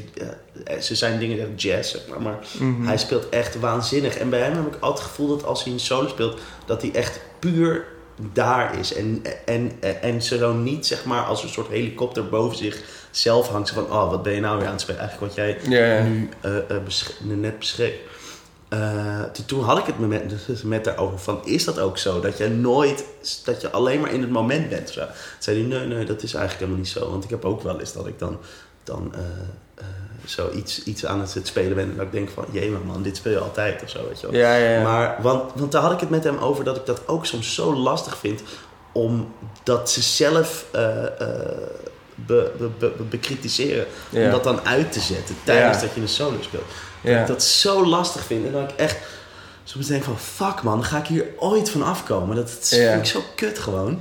Maar dat is natuurlijk überhaupt gewoon in je hele leven een soort eh, challenge. Ja man. Van, ja. eh, ja, ik ben best wel helemaal los van muziek, best wel veel bezig met dat soort dingen. Ja. Gewoon spiritualiteit Ja. en zo. En ik vind dat dat is voor mij ook.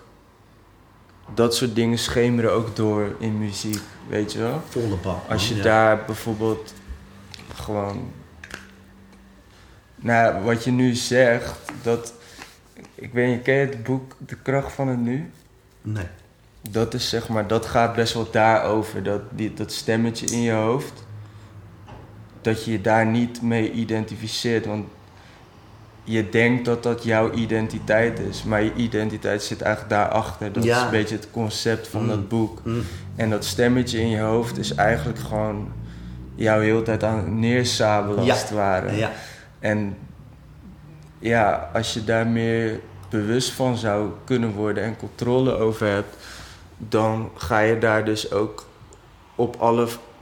Ja, je wordt er gewoon gelukkiger van en je gaat op heel veel manieren vooruit. Want Het, ehm, het houdt je meestal alleen maar tegen. Ja, nou, maar, maar, maar, maar, maar, want volgens mij is dat zelfs een soort van, van, van automatisch ingebouwd zeg maar, mechanisme dat, Mhm. dat, dat mensen hebben zodat ze geen nieuwe dingen aangaan, zodat ze daardoor, de, Ja. daardoor niet eh, eh, op, op, ehm, eh, op achteruit kunnen. Hoe zeg je dat? Zo, zo, zo- zo- zodat ze niet iets, iets nieuws proberen en, en de fout ingaan, dat het veilig blijft. Ja, maar dat dat is gewoon Maar dat dat is moet, gebaseerd op angst. ja, ja, ja, zeker. En dus dat dat moet moet echt niet. weg. Ja, dat moet ja, gewoon weg. Ja, En maar, ja, ja. ja, hoe, ja, ik.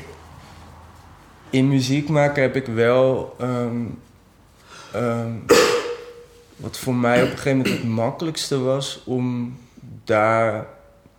Om dat enigszins te remmen is met schrijven. Omdat als je iets schrijft, stel je hebt 16 maten.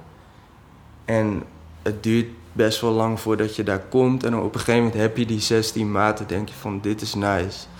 En dan ga je nog even wat verder of je gaat zang bedenken, weet ik veel wat. Maar hoe langer je het doet, hoe kutter het wordt uiteindelijk.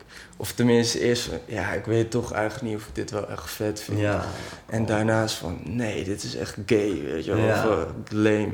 ja, Eh, ja, dit... eh, en uiteindelijk flikker je het dan weg. ja. En ik heb op een gegeven moment, toen ik dat boek ook las, Ja. dacht ik van, oh ja, maar hier is dus, daar komt dus dat stemmetje weer. ja. En dat je dan gewoon tegen je zegt van nee, ik, ik kwam hier ook met een Ja, reden, ook op dit idee. En ja, dat idee is zich gaan vormen omdat ik het mooi vind. ja. En nu moet ik het niet gaan afkappen. Nee. Dus nee. het is echt letterlijk dat je tegen dat stemmetje zegt van hou even je bek. Wegwezen. En je gaat gewoon weer door, weet je Ja, wel. oh, maar- maar- maar dat heeft me is- best wel vaak geholpen. Wat, wat goed man, dat moet ik echt lezen. Want dit wat je nou zegt, dat is echt, echt het ding waarom, wa- wa- waardoor ik mezelf heb soort wijs gemaakt Ja, eh, eh, eh, in het verleden dat ik geen schrijver ben. Wat onzin is, want iedereen die een instrument speelt is Ja. een schrijver, weet je wel. ja. Maar precies dat. Ja, maar daarom, ik bedoel, dat is zo giftig eigenlijk, Ja, al die gedachten. Ja, ja. Want giftig. het is gewoon. eh, ja, in dat boek staat ook van je moet je hersenen op een praktische manier gebruiken. Gewoon van, oh, misschien hoor ik hier wel dit of dit bij. Of ik ga nu even thee zetten. Maar niet dat jouw hersenen jou gaan overnemen. Nee. En dat je verdwaald raakt in die negatieve gedachten, weet je wel. Ja. En eh, ja, dat is zo moeilijk als muzikant. Want Fuck, je bent ook op een podium, weet je wel. Sommige, ik heb heel vaak gehad dat ik gewoon helemaal opga in het moment. Maar ik heb ook heel vaak gehad dat ik, dat ik zeg maar vanaf... Ja, je staat veel hoger als het publiek. Dat je in een zaal kijkt en dat het gewoon voelt alsof ik in mijn naki sta, weet je. Ja. Dat ik mezelf geen houding weet aan, Ja. aan te Oh, nemen. Ik voel echt helemaal wat je zegt gewoon. Dat is Ja. zo grappig. Ja. Maar, maar ik heb voor mezelf het gevoel dat dat steeds erger wordt naarmate ik ouder word of zo. Ja? Ja. Hoe, waar ligt dat dan aan? Ja, ik weet niet waar het aan ligt, maar ik heb gewoon steeds vaker dat ik dan sta te spelen en denk: fuck, ik ben helemaal niet in het moment. Ja, En ja, shit, ik, ik wil hieruit, weet je wel. ja. En ehm, ja, ik weet niet. Ja, dat, dat boek is echt... Ja, voor mij is dat echt een mindblowing boek. Ja? Het heeft echt zoveel eh, goeds voor me gedaan. Ja. En het is ook zo'n... Het is echt zo'n boek waarin, denk ik, in 150 of 200 bladzijden... denk 10.000 keer hetzelfde wordt gezegd op een Ja. andere manier. Maar het werkt een soort van programmerend. Dat je Hmm. op een gegeven moment gaat begrijpen van... Ja, het is heel erg eigenlijk een soort ehm, psychologieboek. Want het gaat gewoon zoveel over je psyche. En het is denk ik best wel een, een soort... Nou, het is niet nieuw. Want ik denk dat hij best wel veel vanuit boeddhisme Ja, heeft. ja. Maar wel iemand die eh, echt, hij is zo beroemd in het Westen. En iemand die dat eh, op een nieuwe, verfrissende Mm. manier aan het licht brengt. Van hoe zit het nou eigenlijk allemaal met ons brein en, en, en verlichting. En, ja. ja, het gaat dus de kracht van het nu, het gaat over in het nu zijn. Dus hij zegt ook van. ehm, dit moment is het enige wat er is. Je, Ja. je hebt wel gisteren, maar dat is er niet Het is er niet. Is nee, dat, dat zit alleen daar. Ja, en je kan ook wel denken van ja, over tien jaar ben ik veertig en dan heb ik een, eh, weet je wel, Mhm. dan zie ik er niet meer uit het podium. Maar dat, daar ben je nog helemaal niet. Nee. Het is ook gewoon totaal niet relevant Nee, nee. om je daar zorgen over te maken. Nee. Dus ja, nou, dat even terzijde, maar dat, eh, dat helpt mij ook op heel veel manieren in, in muziek maken. Fijn man. Ja, Dat is echt belangrijk om een soort van dat soort dingen van je af te kunnen schudden of zo. ja, Daar staat of valt het echt bij. gewoon. ja, Ja, ja. man. Ja, ja en, en ook alles krijgt gewoon labels en zit in hokjes en stijlen. Ja, man. en, Ja, man. en dat, Dat, dat helpt niemand eigenlijk. Nee. In die end. nee. Dat was ook grappig, want ik zat, ik zat van, net ook nog te denken van... Gaat hij ook bijvoorbeeld naar gitaristen vragen en wat ga ik dan zeggen? En Mm. toen zat ik dus te denken aan welke country gitaristen, welke blues gitaristen, welke jazz gitaristen. En toen dacht ik echt, wat, wat boeien die namen voor die stijlen, weet je wel? Alsof hun daarmee bezig waren of zo. Mm. Ja, misschien sommigen wel, maar ik heb daar zelf altijd echt enorme allergie voor gehad van... Ja, ik, ik speel jazz. Of, eh, Ja, ja. ja, gast. Ja. Nou, de, de, de, ja, dat, dat begrijp ik helemaal. Want mensen lijken soms wel te denken: zo van, oké, diegene is jazz en diegene is pop of zo. Ja. Terwijl alles is toch gewoon, zeg maar, muziek, weet je wel. Ja. Waarom kan niet iedereen gewoon alles spelen of zo? Ja, Weet je, waarom om, om, ze zitten mensen dan zo, oh nee, dat is jazz, dat is niet cool of zo. ja. Terwijl, weet je hoe fucking cool dat is, man? Of lichte muziek. Ja, dat is, Eh, wat is dat? Arrogante Ja, nee, maar wat is dat? Ja, hè? Wat is, is dat, het lichte muziek? Nou, dat, dat was toch toen... eh, in een tijd dat er alleen nog maar klassiek op het Ja. conservatorium was... dat ze op een gegeven moment ook jazz gingen doen en eventueel andere dingen. En dat noemden Dat ze dan lichte lichte muziek. Te weird gewoon. En ja, wat betekent dan licht? Ja, weet je wel? Is dat, het, dat het makkelijk is. Of, Ja. of, of, of, of, of dat, het- dat het wat minder relevant is of zo. Ja. Ik denk als je dan kijkt naar de herkomst van die muziek, zou klassiek eerder lichte muziek Ja, moeten. Ja, jeetje. Zeker. Maar ik hou ook super veel van klassiek. Ik Ja, speel ook af en toe, zoek ik gewoon dingen uit van Bach en zo. Ja. Dat vind ik echt zo leuk. Maar ja, en ook nog steeds jazz. En, maar ja, ik heb vroeger wel dingen op school gedaan. Maar ook al toen ik jazz zelf studeerde, dacht ik ook van... Ja, ik zie mezelf gewoon niet in een combo of zo. Dat is gewoon niet mijn ding. En ja, weet je wel, het is misschien ook lullig om te zeggen over die hoek. Maar ik heb ook geen zin om voor een groep bejaarden te gaan spelen elke dag, weet je wel. Dat vind ik gewoon niet leuk. Nee. Ik wil gewoon een heel groot publiek bereiken met wat ik doe en inspireren. En dat is natuurlijk ook jammer aan bijvoorbeeld jazz en trouwens ook klassiek. Dat dat, dat publiek gewoon aan het vergrijzen is.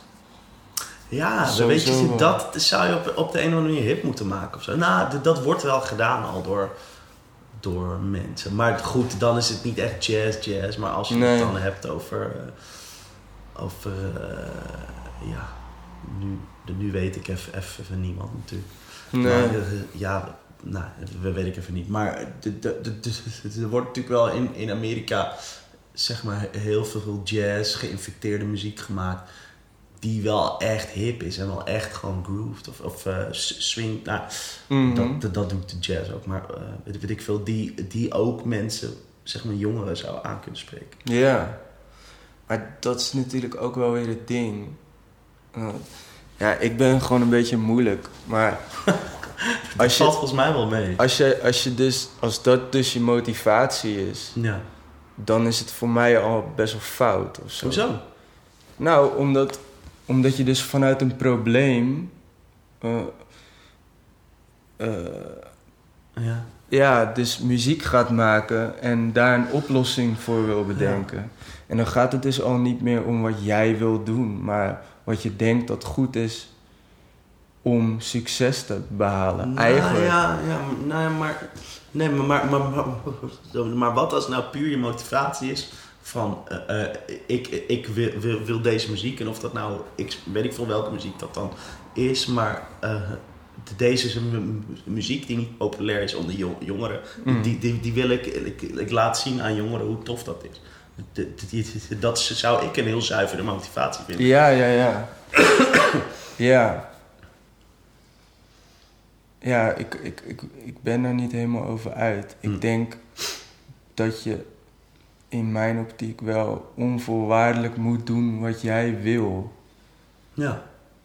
En dat het ook alleen op die manier goed genoeg kan zijn om Ja. een breed publiek. Ja. En, en, en niet, niet omgekeerd. Je wil een Nee. breed publiek en dan ga je daar iets Ja, Voor bedenken, Ja dat, ja, dat voel ik. Ja, snap ik. Want dat is in die end ook nooit hoe nieuwe dingen zijn geboren, weet Nee. je wel. Van, ik ga nu dit met dit mixen en dan noem ik het jazz, rock, eh, eh, dit. En dan gaat het, ja, Nee. zo werkt het gewoon niet. Nee. Of heeft het, zo heeft het volgens mij nooit gewerkt. Nee. Ja, niet dat ik daar allemaal antwoorden op heb, maar ik heb nu gewoon zoiets van, ja, ik doe gewoon wat ik wil doen. En dan zie ik wel wat daarop afkomt. Ja. En als dat betekent dat hier, daar in Nederland te weinig animo voor is, dan ga ik wel ergens anders heen Mhm. Om te kijken of... En eh, zou je er dan ook, ook echt, weet ik veel, wel ergens anders gaan wonen in Amerika of zo? ja, ik, ik, ik heb gewoon nu zoiets van... Ik ben dan nu, over een paar maanden word ik 28. Verder ben ik nooit echt soort van... Heb ik, ik heb nooit toekomstplannen of zo, maar ik heb ergens zo voor mezelf van...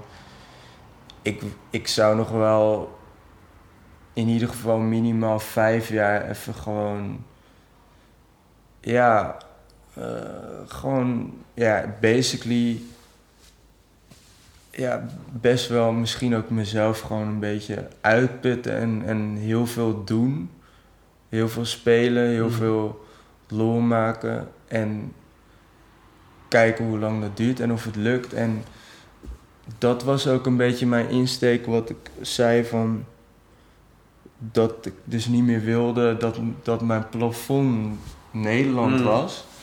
Toen dacht ik van ik wil het in ieder geval geprobeerd hebben. Ik wil niet zo'n zure gast worden Ja. die dan op zijn veertigste zegt van... oh, gaaf man dat jullie daar een tour hebben. Ja, had ik dat ook maar geprobeerd. Ja, ja. Dat wil ik niet. Dan wil ik het liever proberen en falen. En heel hard. Of nou ja, falen. De, het gaat het om de reis, gaat, weet je wel. Ja. Maar, maar, maar de, dus, de, de, dus de, dan, de, dan zou je wel ergens anders dat we willen doen. Of zou je dat hier in, in Europa willen doen? ja, anywhere where the wind blows. ik, ik weet het Ja, niet. nee, snap ja, ik. Ja. Gewoon wat kan, weet je. Ja. Cool man. Ehm, Maar Amerika lijkt me sowieso wel fucking vet. Ja, ik ben eigenlijk alleen maar één week in New York geweest. Voor de rest ben ik daar nog nooit echt eh, geweest. Maar ja, ik, ik loop zelf dus al echt, echt heel, heel lang met wat, wat als ik nou daarheen zou gaan, weet je wel. Wat zou er dan gebeuren, weet je wel? Als ik daarheen zou gaan en echt kijken om, het te, om gewoon daar te gaan spelen. En Weet je wel, kijken wat daar.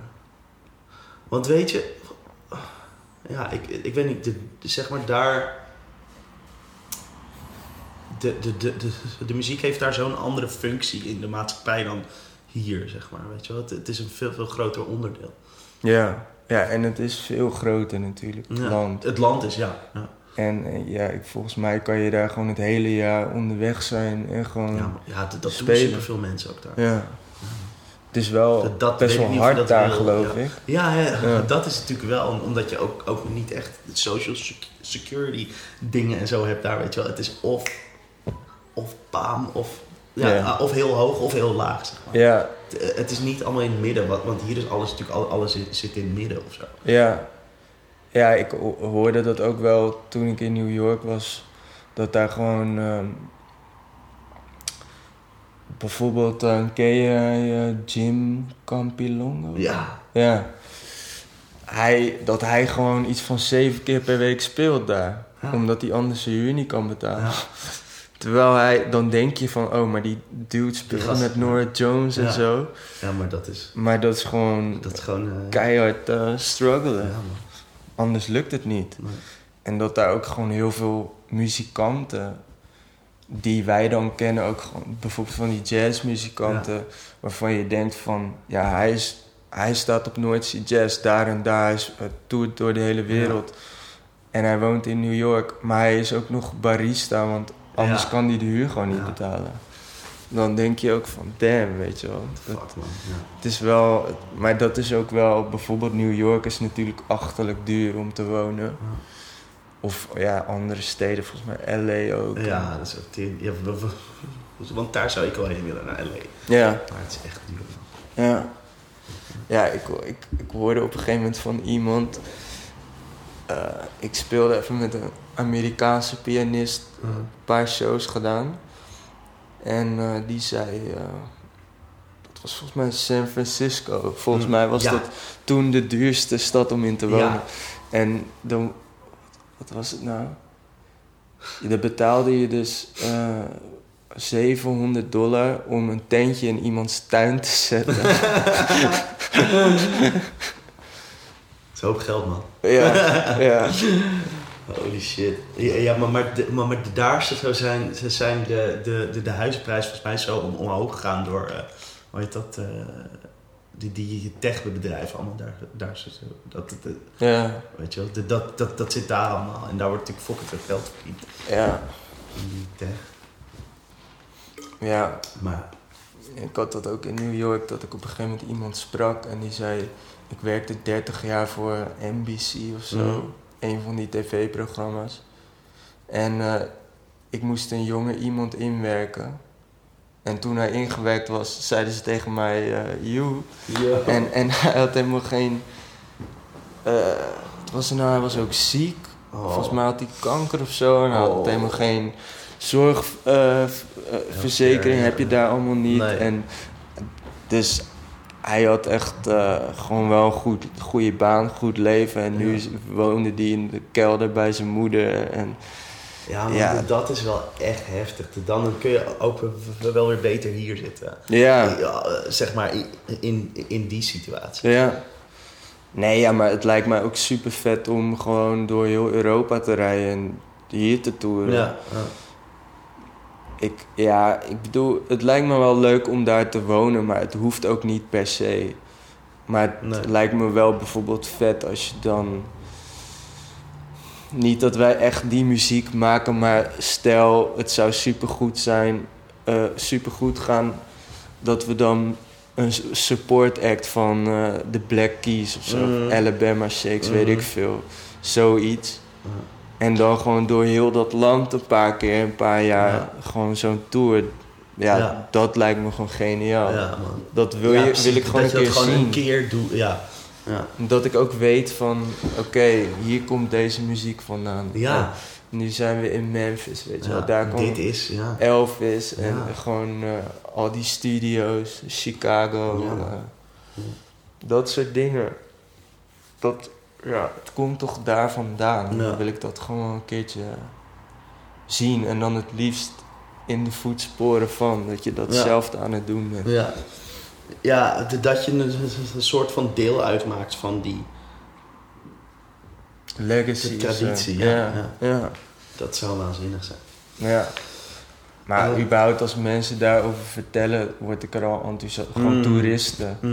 Ik, zo'n Ja. jongen die ik ken, die is gewoon heel erg bluesfanaat. En die kwam daar gewoon op vakantie. En toen is die in die hele eh, buurt waar Robert Johnson woonde. Mm. En dan, ja, ze weten toch niet precies welke crossroad nou Ja. de crossroad Ja, ja. is. En dat hij samen met zijn vader en moeder echt de hele dag al die plekken heeft afgereden. En dat ze dan ook echt zo... Denk, dit, dit Zal moet het zijn. zijn? Ja, ja. En dat ze ook al- allemaal van die oude gasten die daar woonden. Ja, Vroegen van, ja, wel, ja, volgens mij is het echt die. Ja, ja, ja, Weet je, ja, van wat naar her gestuurd. Dat lijkt me gewoon leuk ook, Ja. dat soort dingen. Lachen man. hey, ehm, ik, ik wil het er nog heel even over gear hebben ook. Oh ja. Dat is leuk. Ja. Ehm, maar eh, het, ik, ik wil heel graag eerst naar het to- toilet. Oh ja, Eh, tuurlijk. dus, dus- dus- dus misschien houden we heel even een pauzetje. is goed. En dan kunnen we even doorgaan of zo. Is Misschien goed. even wat peukje roken. Ja. Ik moet ook naar de toilet. Nou, daar zijn we weer. We hebben even de, de plasje gedaan en eventjes een peukje gerookt en zo. oh, wacht. Nu moet ik, hoor- hoort men. Eh, ja, de, ehm, dus eh, misschien, eh, misschien is het leuk om even over deze te, te- hebben dan, deze harmony. Ja. Dan is het denk ik, ik, ik vind het wel leuk dat ik er straks nog even een fotootje van, van, kan schieten. Als je dat oké vindt, Ja, kan ik dat op de site zetten. Ja. Dat dat mensen die hem ook wel willen zien, dat ze even kunnen zien waar het over gaat, zeg maar. Dat is Ja.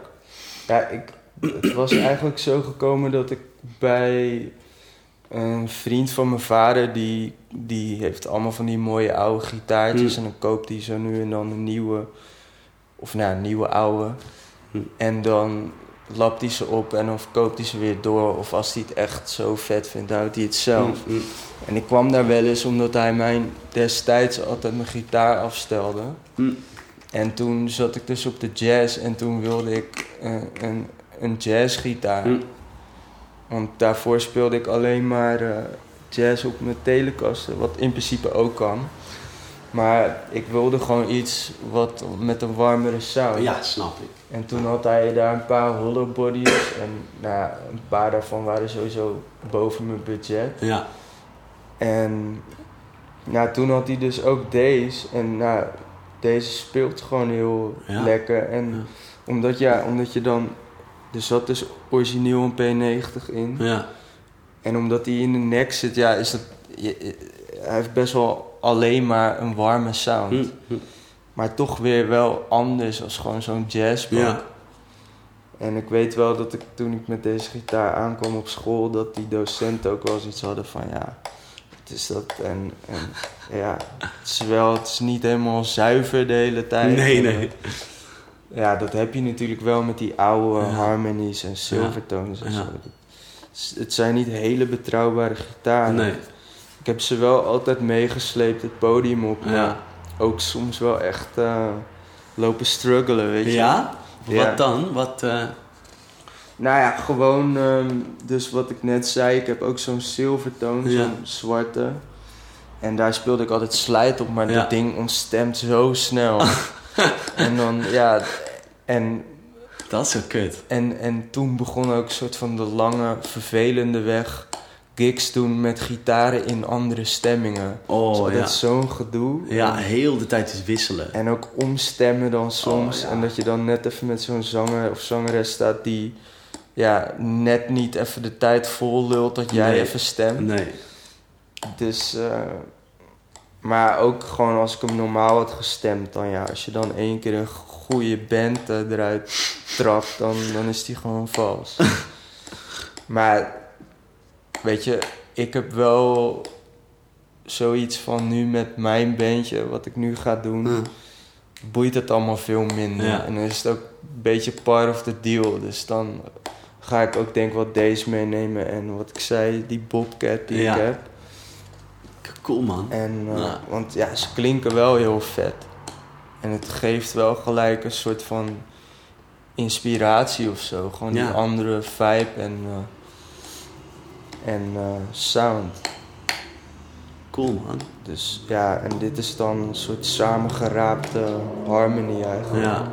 Die nek hoort, hoort eigenlijk ook niet bij deze body. Nee. Maar ik heb deze al meer dan tien jaar. En Oh joh. ja, het is nu, heb ik er al heel lang niet meer echt mee gespeeld, live of opgenomen. Hm. Maar wel, ehm, ja, ik speel het thuis gewoon heel, heel vaak op. Altijd eigenlijk. Chill, ja. Of op, Ja, of op die andere dan.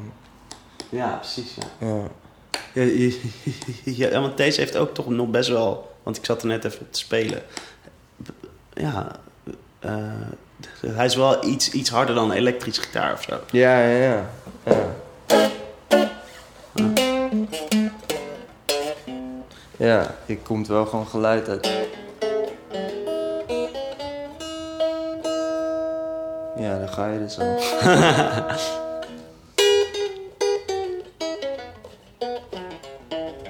Ja, ik, eh, ik heb niks eh, ingestudeerd. nou ja, dus dat. Niks ingestudeerd. Mooi. Hey, en die dan? Misschien kunnen we die er even bij pakken. Ja. Want eh, dat is een oude Kalamazoo. Ja. Dat was zo'n submerk van, eh, eh, Gibson. van Gibson, ja. Ja. Dus de- deze is de jaren 30 of zo? Ja, ja, ik weet niet precies welk jaar. Nee. Volgens mij zijn deze gemaakt tussen 34 en 38 ja, of zo. ja. En het is eigenlijk gewoon een beetje dezelfde gitaar als de Gibson L00, Aha, geloof ik. aha. En ja, ik heb er verschillende dingen over gelezen. Dat dit dan de goedkopere variant is qua hout. Mhm. Maar ik heb ook wel vaak gelezen dat, dat het ook gewoon wel van hetzelfde hout werd gemaakt. Juist. En ja, ik, ik heb deze echt op Marktplaats, zag ik hem op een gegeven moment. En ik was altijd al een beetje zo'n nerd, Mhm. weet je wel, die dan ook al die, al die submerken, wat je zegt, Ja, dat allemaal wel een beetje wist. En ja, ja. toen zag ik op een gegeven moment Kalamazoo, en ja, een gitaar uit de jaren 30, weet je wel, gemaakt door Gibson. En die was toen 400 euro of zo. Oh, jeetje, netjes. Dus ik dacht van ja, Doe. dan moet ik even langs, want het is gewoon wel een bijzonder instrument. En nu gaan ze volgens mij wel echt voor ja, soms 15, Ja, man. 2000 euro zo. Het zijn heel andere Maar prijzen. ze zijn wel echt. Ja, ze zijn super vet. En ook zeker voor slide is deze echt heel vet. Ik heb helaas geen slide hier liggen. Ja, maar we- net het, hoe je er- er- er- er- er- er net even voor ons gesprek zo even, even op zat te noedelen of zo. Ja, Ook, dat is ook, ook, ook die, die stemming die je hebt dan, dat open D, dat is, ja. het is zo'n mooie sound man. Ja, ja. Ja. Ik vind wel als je zeg maar echt hard een soort van gaat strummen, dan wordt die wel een beetje blikkerig of zo. Ja. Ja. Ja. Maar als je heeft echt zo... wel iets. Ja. Maar als je echt heel zachtjes speelt, Ja. dan wordt het wel weer heel warm of zo. Dit is geweldig. Ja, ik ben echt eh, verliefd op deze gitaar.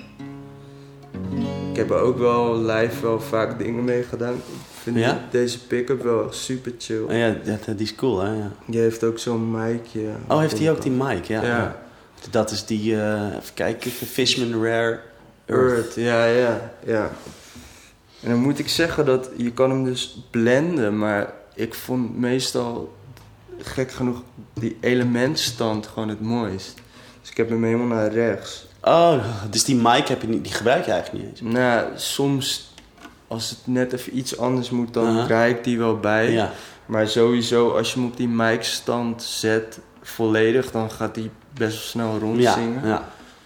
En nou, deze gebruikte ik ook bij Jelte. Ah. eh, gewoon live door een gitaaramp. Oh ja. Want hij wilde gewoon een beetje die soort van.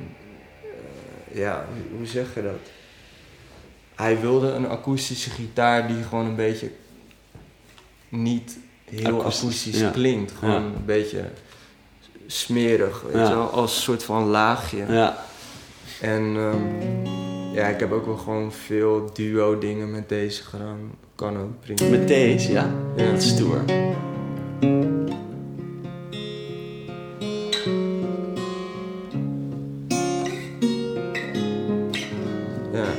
Fijn.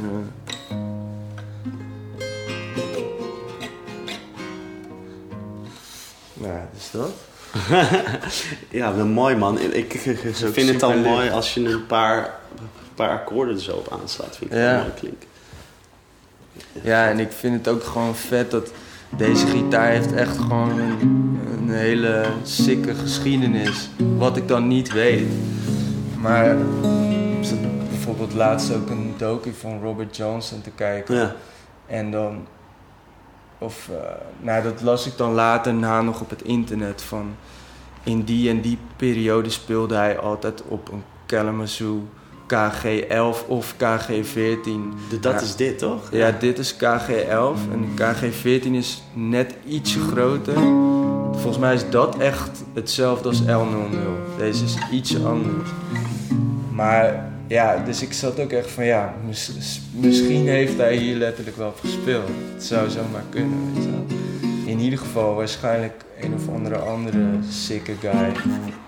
Ja, dat is zo, zo vet, vet, vet, vet. En eh, het- daar, daar heb ik het met, met, met Maarten van Damme. Ken je Maarten van Damme? Nee. Dat is ook, ook, ook een toffe gast. Die, die, die, die heb ik ook voor, voor, voor deze podcast eh, geïnterviewd. Maar dat was gewoon een gesprek. Ehm, die heeft dus... ehm, die, die heeft ook, ook echt... nog wel iets, iets, iets ouder dan dit. Die heeft... Oh, wacht. Hij heeft trouwens zo'n soort artstop Kalamazoo. Oh ja, Ja, ja. dus dan heeft Die hij... had die man ook waar ik deze Oh, heb gekocht. ja. En toen zei hij, wil je deze ook meenemen? Ook voor 300 of zo. Oh, shit. Maar mijn geld was op, anders Oh, had ik die zeker meegenomen. Sick. Maar goed, en een- hij heeft ook, ook echt dus nog oudere gitaren. Van, een van rond 1900 en een van 1921 of zo. Wow. En dat, ja, de, de, de- de- daar had ik het met hem toen ook over. Van, dat is zo bijzonder om te bedenken wat de gitaar heeft meegemaakt en wat er voor muziek uit is gekomen. En Ja, Dat is mooi man. ja, ja, ja. En ook gewoon, ook, ehm, hoe zeg je dat? Eh, natuurkundig vind ik het ook al interessant wat er met dat hout gebeurt. Ja, Ik bedoel, ook gewoon, je voelt dat dit, dit is zo droog. Ja, maar, maar, maar, maar dat is ook waardoor eh, eh, die, die oude instrumenten klinken altijd eh, zeg maar zoals ze doen, omdat het hout inderdaad zo, zo droog En, en hij wordt licht daardoor en het klinkt gewoon echt veel meer. Het is er. Ja, ik weet niet. Het, Ja, klinkt, ja. Het, eh, het klinkt op een bepaalde manier. Ja, Oh. en dat hout heeft natuurlijk heel lang, leidt nog een soort van leven of zo. Het blijft rijpen Mhm. en het wordt inderdaad dan steeds droger. En, eh, ja, en ik heb hier, die man zei tegen mij, waarvan ik hem kocht, die had er niet heel veel verstand van, Nee. maar hij zei ja, ik heb op internet gelezen, omdat dit bolt een beetje allemaal op, Ja. weet je wel Ja, omdat hij eh, zo'n L-bracing heeft, leather bracing. ja. En ehm, die man zei, ja, je moet op den duur wel een X-bracing erin laten Mhm. zitten, want anders... Ja, er zat destijds ook een soort van scheur ergens, geloof ik. Ja. Dat had Eugen ook voor me gemaakt. Oh ja. Ehm, maar ja, toen zei Eugen weer tegen mij van... Ja, maar dan maak je de hele, het hele karakter van die gitaar Ja. dood, weet je. Ja. dat zou ik niet doen. Ik zou het gewoon zo houden. Ja. Maar dat is wel, ja, dat zie je wel vaker van die gitaar uit die tijd. Dat het dan zo'n bolling krijgt. Maar deze valt het echt nog wel. Oh, absoluut, ja. Ja, dat valt heel erg mee. Ja, je voelt het dat- wel een beetje. Ja, ja maar dat, dat hebben, hebben volgens mij gitaren met een X-bracing, die, die hebben dat ook. Ja? Wel- Wel minder. Ja, Ja. maar dat komt, het komt altijd een beetje naar, om, om, omhoog, volgens mij. Ja, ja, ja. Ja, dit is, ja. Ik wil nog wel heel graag een, eh, gewoon echt een soort van J45 of, zo, Mhm. of een ja, Martin. echt, echt zo'n zo'n strummer. zeg Ja, maar. dat, eh, maar toevallig kwam eh, mijn zusje van de week. ik was bij mijn, bij mijn ouders en toen kwam zij opeens met een gitaar. Mijn, mijn zusje doet helemaal niks met muziek. En zij zei opeens van ja, deze is van een vriend van, eh, van haar vriend dan, Mhm. van mijn zwager. En eh, kan je er even snaren op zetten? En dat was een Ibanez Concord of zo. Maar Ja, dat was een oude. J45 clone ja. uit de Ja, 70s 70, of ja. zo. En ja, ik, ik heb echt niks met Ibanez, gewoon nooit gehad ook. Maar ik dacht, ik zette er op een gegeven moment snaren op en er zaten geen snaren op. Maar toen ik hem vast had, dacht ik al van, volgens mij is dit best wel een goed gitaartje, Mhm. weet je wel. Dus ik zette die snaren erop en er ontbrak één tuner, waardoor ik er maar vijf snaren op kon Mhm. zetten. En die eh, jongen waarvan die was, die had een dochtertje en die wilde, zij wilde gitaar leren spelen. Mhm. Maar zij was zes en dat ding is best wel Ja. groot. Dus ik had de snaar opgezet en ik was best wel impressed van, dit is wel echt een goede kloon, weet Mhm. je wel. Dus ehm, toen zei ik dat ook nog tegen mijn zusje en haar vriend van, zo, dit is best wel een goede gitaar. En toen zei mijn zusje, ja, maar hij is van die jongens vader geweest, dus ik Mm. denk niet dat hij die zomaar wegdoet. Nee. Toen zei mijn zusje een paar dagen later van... Als jij een chill klein gitaartje voor zijn dochter hebt, dan mag je die wel hebben. Dus nu ben ik ook echt soort van op gitaarhand naar een klein, Klein. meisjesgitaartje. Ja. En dan eh, ga ik die nemen. Maar het komt niet echt in de buurt van een echte J45. Maar ja, ik vond het wel echt nice. Dat net iets minder body of zo. Maar Ja. wel een soort van vergelijkbare transparantheid en Mm. openheid of Mm. zo. Ja, mijn oom die heeft een J45 uit 67 of zo. Mhm. Iets later. Mhm. Die hebben zo'n soort van Bordeaux-rode sunburst. Best wel mooi. Oh ja. Ja. ja, ik ken ze, ja. Ja, die is ook echt, ja... Daar speelde ik toen ik al, weet je wel, toen ik net pas een paar jaartjes speelde, dan als hij dan niet... Hij woonde zeg maar bij mijn oma thuis. Apart lang verhaal. Mhm. Maar dan was ik vaak bij mijn oma als hij er niet was. En dan ging ik even zo die gitaar, pakken, ja. weet je wel. Het was wel vanaf dat moment altijd de mooiste gitaar die ik ooit had bespeeld. Ja. Weet je wel, van, er zit zoveel leven in zo'n ding. Ja, en dat is- je ja. slaat de akkoord aan en het inspireert je gewoon gelijk. Wat ik ook met deze heb, Ja. maar ik hou wel echt ook van gewoon strummen en gewoon lekker akkoordjes. Aha. En dan is dat wel fijner. Bij, met deze doe ik het ook wel, maar Ja, maar dat is niet echt een ding van... Ja, nee. klopt, ja. Maar voor slide is die echt briljant. Ja? Weinig Oh. momenten betere. Heb je een slide bij? Ja. De, hoe heet het? Dit is wel een, eh een brons. Ik weet niet wat voor je gebruikt. Oh ja, dat is top. Is dat goed? Ja. Ja. Juist. Hij loopt alleen aan.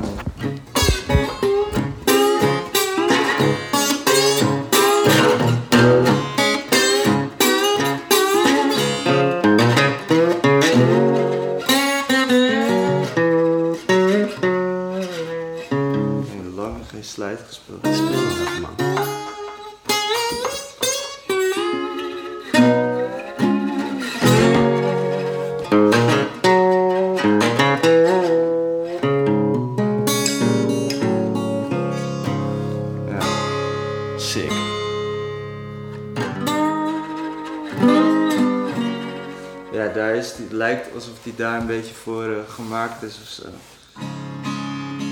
Het klinkt waanzinnig. Ja, hè? Ja, ja ik, ben, ik ben ook niet echt een slider hoor.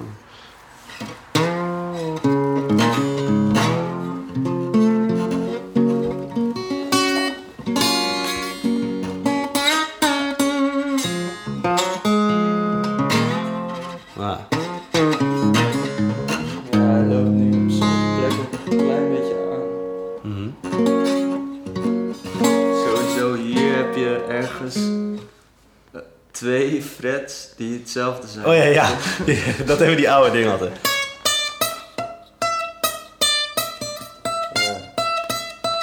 Ja. Een beetje omhoog. Oh. Ah, ja. Ja. ja, tof man. Nee, maar deze, ja, dit is dus sowieso een van mijn favoriete gitaren. En dan mijn Gun Telecaster. Juist.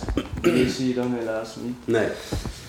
En mijn SG ook wel, maar daar heb ik toch iets heel anders, raars mee. Dat, dat die sound, dat gaat meer om sound of zo. Ja. Maar ik, ik, ik heb ooit ondervonden, dat was best wel interessant, want ik heb daar nooit eerder met, niemand vertelde mij dat ooit eerder.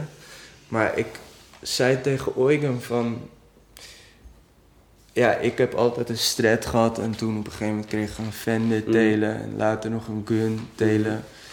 En toen zei ik ook tegen hem van, ja, op de een of andere manier ligt dat me echt veel beter als een, een Gibson. Of eh, ja, ook andere merken. Maar toen zei hij tegen mij van ja, dat heeft misschien ook te maken met het feit dat bij Fender alle snaren doorlopen Hm. en dat de tuners aan één kant zitten. En dat letterlijk bij Gibsons zijn de afstanden van de snaren anders, weet je wel. Mhm. Bijvoorbeeld dat deze net zo kort is als dit. Ja. En bij Fender loopt die helemaal door. En dan, dat heeft een ander ander gevoel. feel, ja. En ook iets anders, dat is ook anders met sustain, zeg maar, daarin. Dus, maar die SG vind ik gewoon heel lekker klinken. Maar, maar, maar, die heb je wel hier ergens staan? Nee, ook Oh, niet. Helaas, ja. Die staat, eh, staat in onze oefenruimte. Oh ja. En die telen ook. Hm. En dan nog die Bobcat, die Harmony. Oh ja. Ja, en vroeger was altijd mijn nummer 1 gitaar Strat, maar Ja. dus, we hadden het daar net al even over. Ja. Die, ja, nu ik al die andere instrumenten vaak bespeel, dan Ja. vind ik het toch dun of zo. Ja. Ligt ook aan mijn Strat, want die elementen, ja, gedurende de jaren lijkt het, ik weet niet, misschien zit, zitten ze niet helemaal goed erin of zo, maar lijkt alsof de output vrij laag is. Ja. En mijn frets zijn best wel op. Oh. Dus er is ook een soort van punch is een beetje weg of zo. Oh, maar dus daar heb je echt fucking veel op gespeeld. Ja, echt heel veel. Echt, ehm, De, daar, de, maar, maar, maar daar, de, de, de- daar heb je waarschijnlijk je uur op gemaakt, zeg maar. ja, ik denk wel 60, 70 procent. Ja. Ja. Mooi. ja. Mooi. Ach, Maar nu, ja, nu speel ik er eigenlijk alleen nog maar onversterkt op. Want als ik versterk, soms denk ik weer van, ik wil weer een strat guy worden. ja. Oh wil- ja? Ja, gewoon, ik vind het gewoon vet, weet je wel. En ja, dat is een, de meest legendarische gitaar misschien wel. En soms denk ik dat dan van, ja, ik wil gewoon op een podium met een strat. En dit is echt mijn strat, die heb ik al 13 of 14 Ja, jaar. ja. Eh, die hoort gewoon bij mij. En dan, maar ik kan het gewoon niet meer echt vanwege de sound. Misschien komt dat wel weer. Ja, ik, ik, ik vind het met het stretchen vind ik het heel, heel lastig. Ik heb trouwens pas op eh, een jaar geleden alweer op een op, op, op eentje uit 1979 gespeeld. En eh, de die ze ze zijn vaak wel, wel echt wel niet zo goed of zo, want die zijn vaak zwaar. En, Ja. en zo. Maar deze was heel licht en, en dit, dit, dit- dit was een hardtail. Dus weet je, wat, wat- wat- Oh. dat is zeg maar zonder tremolo. Dat, Maar die Dat zijn toch juist altijd super zwaar? Ja, maar deze dus niet. Die was echt niet zwaar. Nee. Maar dat was een vet ding. En die, die was toen helemaal niet meer zo, zo duur. De- Dat was op, op, op die beurs in Veenendaal. Ben je Oh ja, geweest? Ja, zeker. Die was, weet ik veel, 1800 euro of 17 of zo. Ja. En die, die is er nog steeds vaak door mijn hoofd. Ja. Die gaat nog steeds vaak door mijn hoofd. Want die vond ik irritant. heel cool. Ja, die vond ik heel cool. En, ehm, maar wat, wat ik eigenlijk wou zeggen is dat strats, die, die, die hebben het... Die, eh, heel veel mensen die op strats spelen, die, die hebben het voor, voor mij een beetje... Ja, ja ver- verpest wil ik niet zeggen, maar... eh, ja, weet je, eh, heel veel mensen gaan dan precies als Stevie erop spelen of zo. Ja, ja, ja. Of echt zo, zo jaren tachtig met zo'n Humbucker in de brug. En dan Ja. eh, zo'n zo'n leadgitaar of zo. En, dan, en dus daarom heb ik altijd een beetje die associatie. Of, of die eh, helemaal ene kant blues, zeg maar. Stevie. Of dat, dus dat, dat HSS strat met een, Ja. weet ik veel.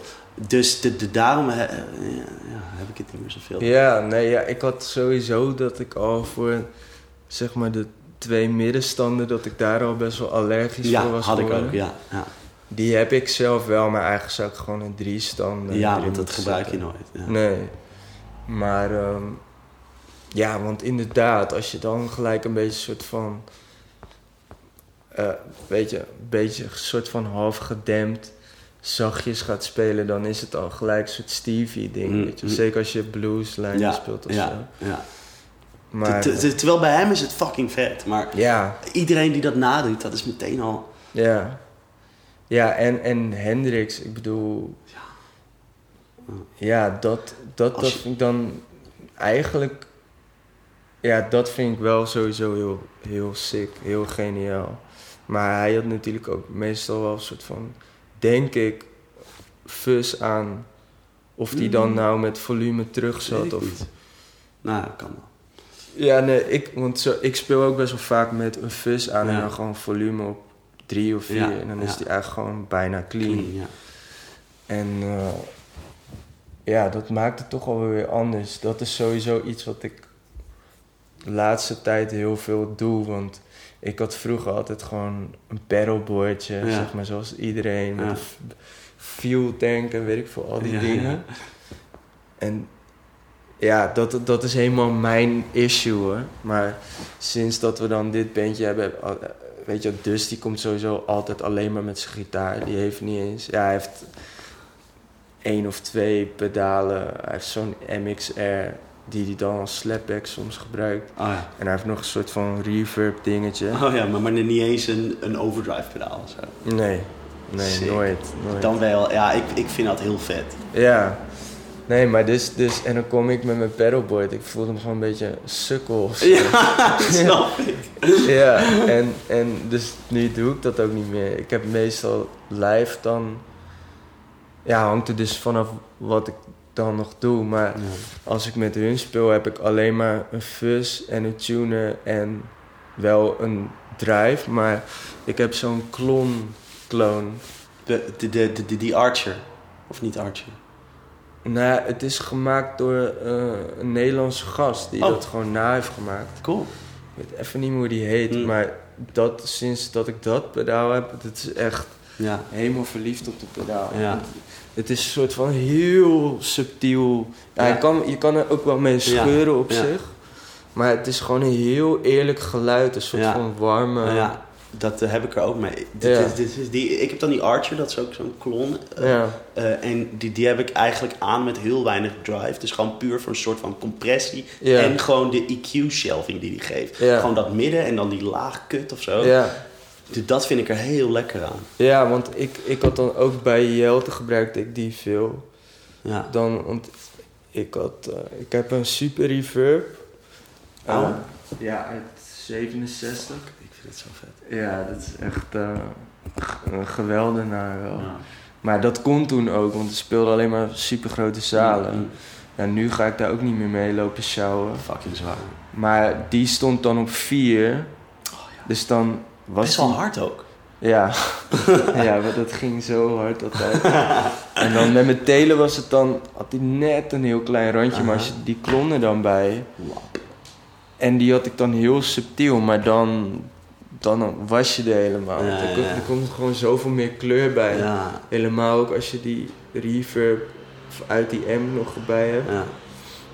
Maar ehm, ja, dus zo. Dus eigenlijk alleen dat en het tunen en die fuzz. En die fuzz gebruik ik dan ook meestal met mijn volume half open of zo. Dan staat die fuzz wel echt op 8 of 9. Die heeft ook maar één knop. En dan. ehm, ja, gewoon dat hij zo, gewoon zo'n randje heeft. Dat wanneer Ja. je even hard aanslaat, dat je Dat net, dan wel. Ja. net even gemeen wordt, weet je wel. Cool, cool, cool, man. Maar, maar welke heb je dan? Wat voor fuzzpedaal? Ja, ik gebruikte nu de laatste tijd heel veel een, een eh, Schaller. Volgens mij is dat, Oude. ja, eh, jaren 70 denk ik. Het is wel grappig, want het is een fuzzwa, maar die wa is ook stuk. En ik gebruikte dat sowieso niet. Dus er zit ook gewoon één knop. En dat, dat is het enige wat ik ermee doe. Ik heb ook nog wel een paar andere fuzz pedalen, een paar nieuwe. Mm. Ook eentje van Jam Pedals. Mm. Die wel gewoon, dat is germanium ook. Mm, mm. En ik heb ook nog een uh, Shin-ei. Serieus? Ja, Wow. maar die, die gebruik ik ook niet meer zo heel veel. Maar die is wel echt heel Die sick. is, die- die- dat is echt gewoon zo- zo- zo- zo- zo'n ding dat als, als je hem aanzet, dat de apocalypse. eh, Ja, ja. toch? Die ja. zijn echt niet, eh, niet subtiel, zeg maar. Nee, en die wa vind ik ook echt heel sick. Met die fuzz. Ja. Het is wel echt, echt een vet ding. hè. Shit, ja, vet. Maar ja, en ik heb nog zo'n voodoo vibe. Ja, Die, eh, die neem ik eigenlijk niet vaak mee, maar dat is wel eigenlijk echt een vet ding om. eh, die, eh die, die, die, Die big zwarte. ass, zwarte. ja, ja, ja. Ik heb echt nog zo'n oude, want nu hebben ze volgens mij alleen nog maar die Voodoo 5 Plus of zo. Ja. Maar dit was gewoon die, echt die eerste. Maar, maar, maar- maar is het wel die ene met al die verschillende instelmogelijkheden? Ja, die grote. Ja, Ja. Ja. Die, die, dat is eigenlijk de vetste die je kan hebben qua Ja. Foodify. ja. En ook die, ik vind ook die chorus heel vet, want dat Ja. is eigenlijk zo'n soort van unify. Ja. Het is helemaal geen chorus. Nee, nee. Het is, ja, precies. Dat is gewoon, gewoon, ja, dat is gewoon Hendrix. Ja, Ja. ja. Waanzinnig. Ja, die... eh, ja, ik weet het niet als we echt gigs gaan doen. Want het is... Nu loop ik letterlijk gewoon met de Albert Heijn tasje met mijn pedalen erin. Dat is ook wel weer een beetje dom. Ik vind het wel weer echt lekker helemaal back to basics. Ja, ik, ja. ik vind het wel sick. Ja, maar als ik... Nou als ik uiteindelijk meer dan drie pedalen ga gebruiken, ga ik toch wel weer, denk ik, een klein bordje. Eh, Maar, Even een, een, een pedaltreintje halen. Dat je Ja. even, maar Albert Heijn tas. ik vind het wel sick. Ja. Nee, maar nu... Ik, ik wil het eigenlijk ook wel gewoon minimaal houden live. Want ik hou gewoon van... Ja, je kan al zoveel Puur. Ja. zonder. Ja. En ja, toch een beetje drive. Dat is het wel. In die band wil ik ook wel gewoon af en toe een beetje beuken, weet je wel. Ja. Dus dan is dat toch wel nice. Ja. En ja, met die fuzz dus ook sowieso. Ja. Maar ja, daar, daarin probeer ik ook veel verschillende dingen. Want er was dus ook, we spelen dan dus ook één nummer dat ik die koederkersten gebruik. En ehm, ja, dan daar zitten flat wounds op en dan Mm. heb ik die het volume een beetje dicht. En als je dat dan met fuzz, dat is best wel een sikke sound. Ah. Ah. En helemaal niet wat je allemaal associeert met fuzz. Als in. eh, ja, er zijn natuurlijk heel veel sikke dingen, maar ook best wel veel foute dingen met fuzz gedaan. Oh ja, zoals wat dan? Wat bedoel je daarmee? Ja, ik kan even niet iets nu bedenken, maar. wat natuurlijk eigenlijk ook heel vet is, gewoon die fuzz rechtstreeks in de tafel. of zo. Ja, ja. Zeker met die shin Mm. Maar ehm, ja, nee, voor mij klinkt het dan meer als gewoon een, een, eh, een, eh, een Princeton of zo die helemaal over zijn nek Ja, gaan. check. Ja. ja. Met, met P90's of zo. Mhm. Dan komt het meer daar in de buurt van dat het echt zo, wat je net zei, zo'n apocalypse. Ja, ja, eh, ja, ja. Want dat is niet echt wat, ik- wat ik wil doen. Nee, zo. snap ik. bazaal of zo. Nee. Meer, ik hou gewoon van die onderkoelde Ja, grom. ja, ja. Dat je eigenlijk denkt van... Ja, het is helemaal niet zo in je face, maar je hoort een soort van zieke grom gewoon Ja, ja, ja. In, in de mix. Gewoon, Ja, precies. Dus Dan, de, dan, dan lijkt het meer op, op dat, je amp gewoon een beetje eh, hard staat. Dan dat het echt een soort van ja, ha- hard alles vernietigend geluid is. Of zo. ja. Ja. En dan speel ik ook best wel vaak redelijk zacht. Ja. Want als je dan hard aanslaat, Ja. dan krijg je Mhm. dat, Ja. De- ja, hoe, hoe zou de- dat maakt het, het gewoon meer, meer, meer, meer, gewoon meer dynamisch. Ja. Dat als je zacht speelt is het clean. En dan als je even zo'n zo'n uithaal geeft, zo'n knauw geeft, dan is het even ra. Ja. ja, ja. Ja, maar ik was eerder ook met dat bandje De Howlin. Toen deed ik wel heel veel dingen met sounds. En toen Mm. was ik eigenlijk best wel een soort van sound nerdje geworden. Dat ik ook, ik had zo'n uh, K-Mutron.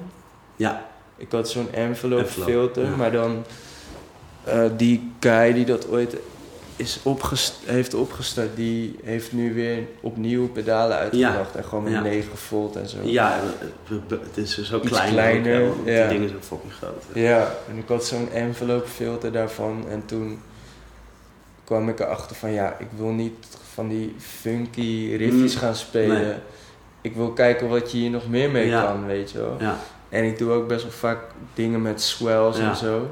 Ja. En, en toen had ik echt best wel een soort van gekke dingen ontdekt die, die ik nooit iemand had horen Nee. doen. Omdat dat ding is aanslaggevoelig, Ja. toch? Maar ook een soort van ehm, wat je erin stopt, eh, hoe noem je dat? Gewoon de het volume. Als ik dan een swell deed, dan kreeg ik een soort van ja, ja. dat. Ja. En dan deed ik dat met slide en dan een beetje Oh, spring. vet. En dan kreeg je hele vage dingen, weet je wel. stoer, ja. Dat soort, dat soort dingen. En dan gooide ik dat gewoon in muziek waar het heel raar was dat je dan zo'n geluid had. en, en ook met fuzz. En daar zat ook een soort van terrorstandje op. Dat je, dan ging die opeens drie keer zo hard, maar een soort van lead sound met die envelope. En dan soms, als je hem dan niet goed had afgesteld, dan bleef die echt. Dan ging die heel snel, zat die in dat hoge. Mhm. Dat je echt een soort van heel. Ja, helemaal niet groot, Nee. maar een soort van heel klein, fel, Ja, gek geluid kreeg. Mhm. Dus ja, ik vind dat eigenlijk nog steeds interessant. Maar Ja. het is nu voor de muziek die ik nu aan het Ja. maken ben, moet het gewoon een soort van. Is een beetje mijn gevoel van no nonsense. Gewoon, Ja. gewoon puur, inderdaad. En iets mag wel scheuren, maar meer ook ja, en galm en Ja. misschien slapback. Slapback, ja. Ja. Ja, toch wel een beetje een soort van oude stijl. ja.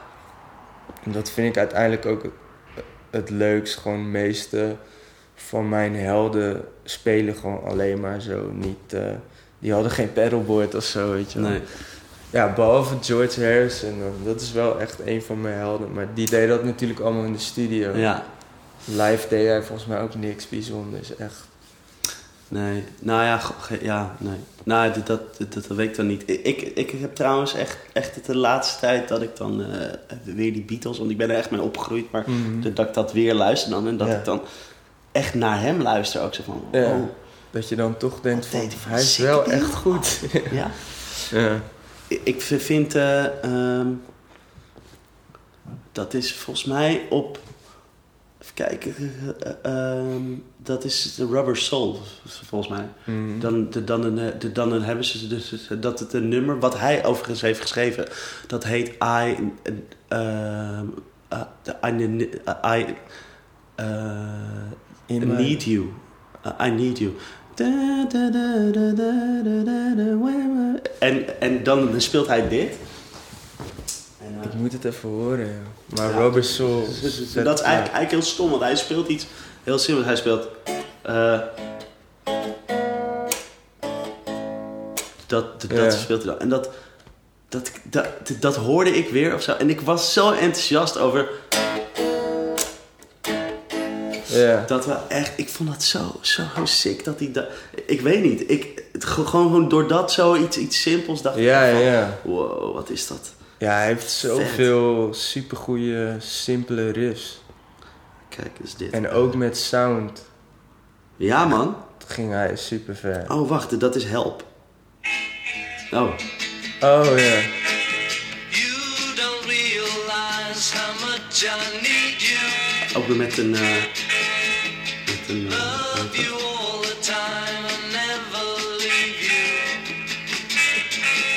ja. Maar dat is een soort effect dat hij later komt. lijkt ja, me. dit is denk ik gewoon. eh, Oh. weet je, met Maar zijn. eh, Net te laat. Ja, ja. Maar ja, Ja. ik, ik weet niet, ik, ik was het aan het luisteren en dat nummer kwam en ik, ik vond het gewoon heel sick. Ja, ja, hij is echt eh, ook voor mij echt wel een grote inspiratie. Ja man. Ook als mens ook trouwens. Heb je die documentaire van hem gezien? Nee, oh, dat moet ik echt doen. Oeh, die is echt, is echt super inspirerend. Vet man. Duurt ook echt 3,5 uur of zo. Ja? Maar ook toen hij solo ging, daar ben ik ook best wel fan van wat hij allemaal heeft gedaan. Ja. Vooral die eerste plaat dan die, ken je die? All Things Must Nee. Pass. Nee. Echt super sikke plaat. Aha. Echt hele mooie liedjes ook. Ja, hij werd natuurlijk een beetje ondergesneeuwd, Ah, maar hij, ah. hij was misschien wel op een bepaalde manier net zo'n goede schrijver. 100% man, ja. Tenminste, Paul en John hadden natuurlijk wel een soort van, echt van die hits. Ja. En Harrison heeft dan vaak meer die liedjes op dat album waar je net iets later achterkomt, Ja. achterkomt en dan Ja. is dat opeens uiteindelijk je, fa- favoriete. Ja, ja, ja, zeker. Los dan van Here Comes the Sun en hij heeft wel een paar die eh, een paar echte hits. Eh, eh, ik denk dat hij, eh, eh, hoe heet dat, dat, dat, dat, het is Something heeft hij ook geschreven. toch? Ja, ja, ja. Ah, wat natuurlijk ook, ja. Ja, mooi nummer is dat. Ja, dat is ook een van mijn favorieten eigenlijk. Cool. Maar ja, en dan Hendrix vind ik ook vet wat hij gewoon met die Univibe en met, met Fuzz doet. En ehm, ja, dat is natuurlijk zo'n ding. Nu praten we erover, dan vergeet je waarschijnlijk 10.000 dingen. Ja, maar goed, dat, dat maakt niet uit. Maar ehm, ja, ik weet het niet. Toch gewoon, gewoon een elektrische gitaar. En dan een mooie gitaar door een mooie buizenbak. Dat, ja. En eigenlijk wel, ik moet wel eerlijk bekennen, dat, dat was ook altijd zo'n probleem bij Jelte. Dat ik het echt moest afleren. Maar ik, ik heb wel altijd moeite om zonder galm te spelen. Oh ja? Dus de- ik heb er geen moeite mee, maar zeker wel met als ik bijvoorbeeld solo moet doen of zo. Mm. Ja, dan wil je wel echt een soort van dat het ergens in zit of zo. Ja, ik vind het ook moeilijker of zo, want je hebt Mm. natuurlijk minder sustain. En Mm. Ik speel ook altijd met eh, alle, het hele kleurenspectrum wat erbij komt door. Ja. galm. Ja, Zeker als je het ook uit je amp haalt, dan, ja. dan gaat er gewoon van alles mee resoneren. Mm, mm. Wat een soort van extra is, weet je En, en, dat vind ik... eh, dus ik vind het wel vrij moeilijk om zonder galm eh, te spelen. Maar ik zou het gewoon vaker moeten doen. Want het werd op een gegeven moment ook gewoon een gewoonte. Ik bedoel, ik heb echt Ja, lange periodes uitkijken, ja. gehad dat de galm gewoon altijd aanstond. Mhm. Ja, precies. Ja. Dan met alles wat een soort van. eh, waar je niet meer over nadenkt en zo, moet je altijd even kijken van oké, wat, ben, wat ben ik nou aan het doen of zo. En, en is dit nog wel iets dat past in het, ja, Ja. het liedje of zo? Weet je? Ja, want dat was dan met Jelte zat hij echt zo van... Ik denk dat het op bepaalde ma- manieren... Dat hij dan... Dat het hem ook een beetje... Nou, hij heeft dat nooit naar me geuit, maar misschien zelfs een beetje irriteren van... Dude, maar je wil nu puntig zijn, Ja. maar er klinkt heel tijd iets door. Ja, Dat, ja, dat, dat kan niet. nee, of met, met slagjes of zo. Ja. Ja, dat, dat, dat is ook zo'n ding wat je dan wel leert, weet je wel. Mm, mm, mm. Net als dat je het ook wel echt moet afleren om niet een overdrive of een distortion in te trappen als je gaat zo leren, weet je wel. Tenminste, als je, als je het clean ook weer Ja. wil doen. Ja, Ik was daar ook wel op zo'n punt van... Ja, maar hoe doe ik dat dan? Zonder drive ja, of iets van gain. ja. En eh, ja, dus met Dusty is dat wel. Hij, is- hij, hij gebruikt dat nooit. Dat is mooi toch? Maar, maar dan heeft hij wel zijn imp gewoon goed aanstaan, denk ik. Dat wel. Ja. Ja. staat wel flink te loeien altijd. Oh, mooi toch? Ja, Nou, lachen man. ja. Ja, en ik heb, ik heb wel veel, eh, veel ontzag altijd voor mensen die zo spelen. Ja, het is toch moeilijker natuurlijk. Ja man, dat, dat is gewoon... eh, ja, hoe zeg je dat? Gewoon, een- ge- gewoon, gewoon heel naakt, gewoon met je billen bloot. Ja, Maar Ja. ja, we, we- we- weet je, aan, aan de, de, de andere kant, waarschijnlijk doet hij het al, altijd zo, of niet? ja. Ja. ja ik Dus heb ook wel... hoe je speelt. Ja. De eerste vier, vijf jaar deed ik dat ook Hm. meestal eigenlijk.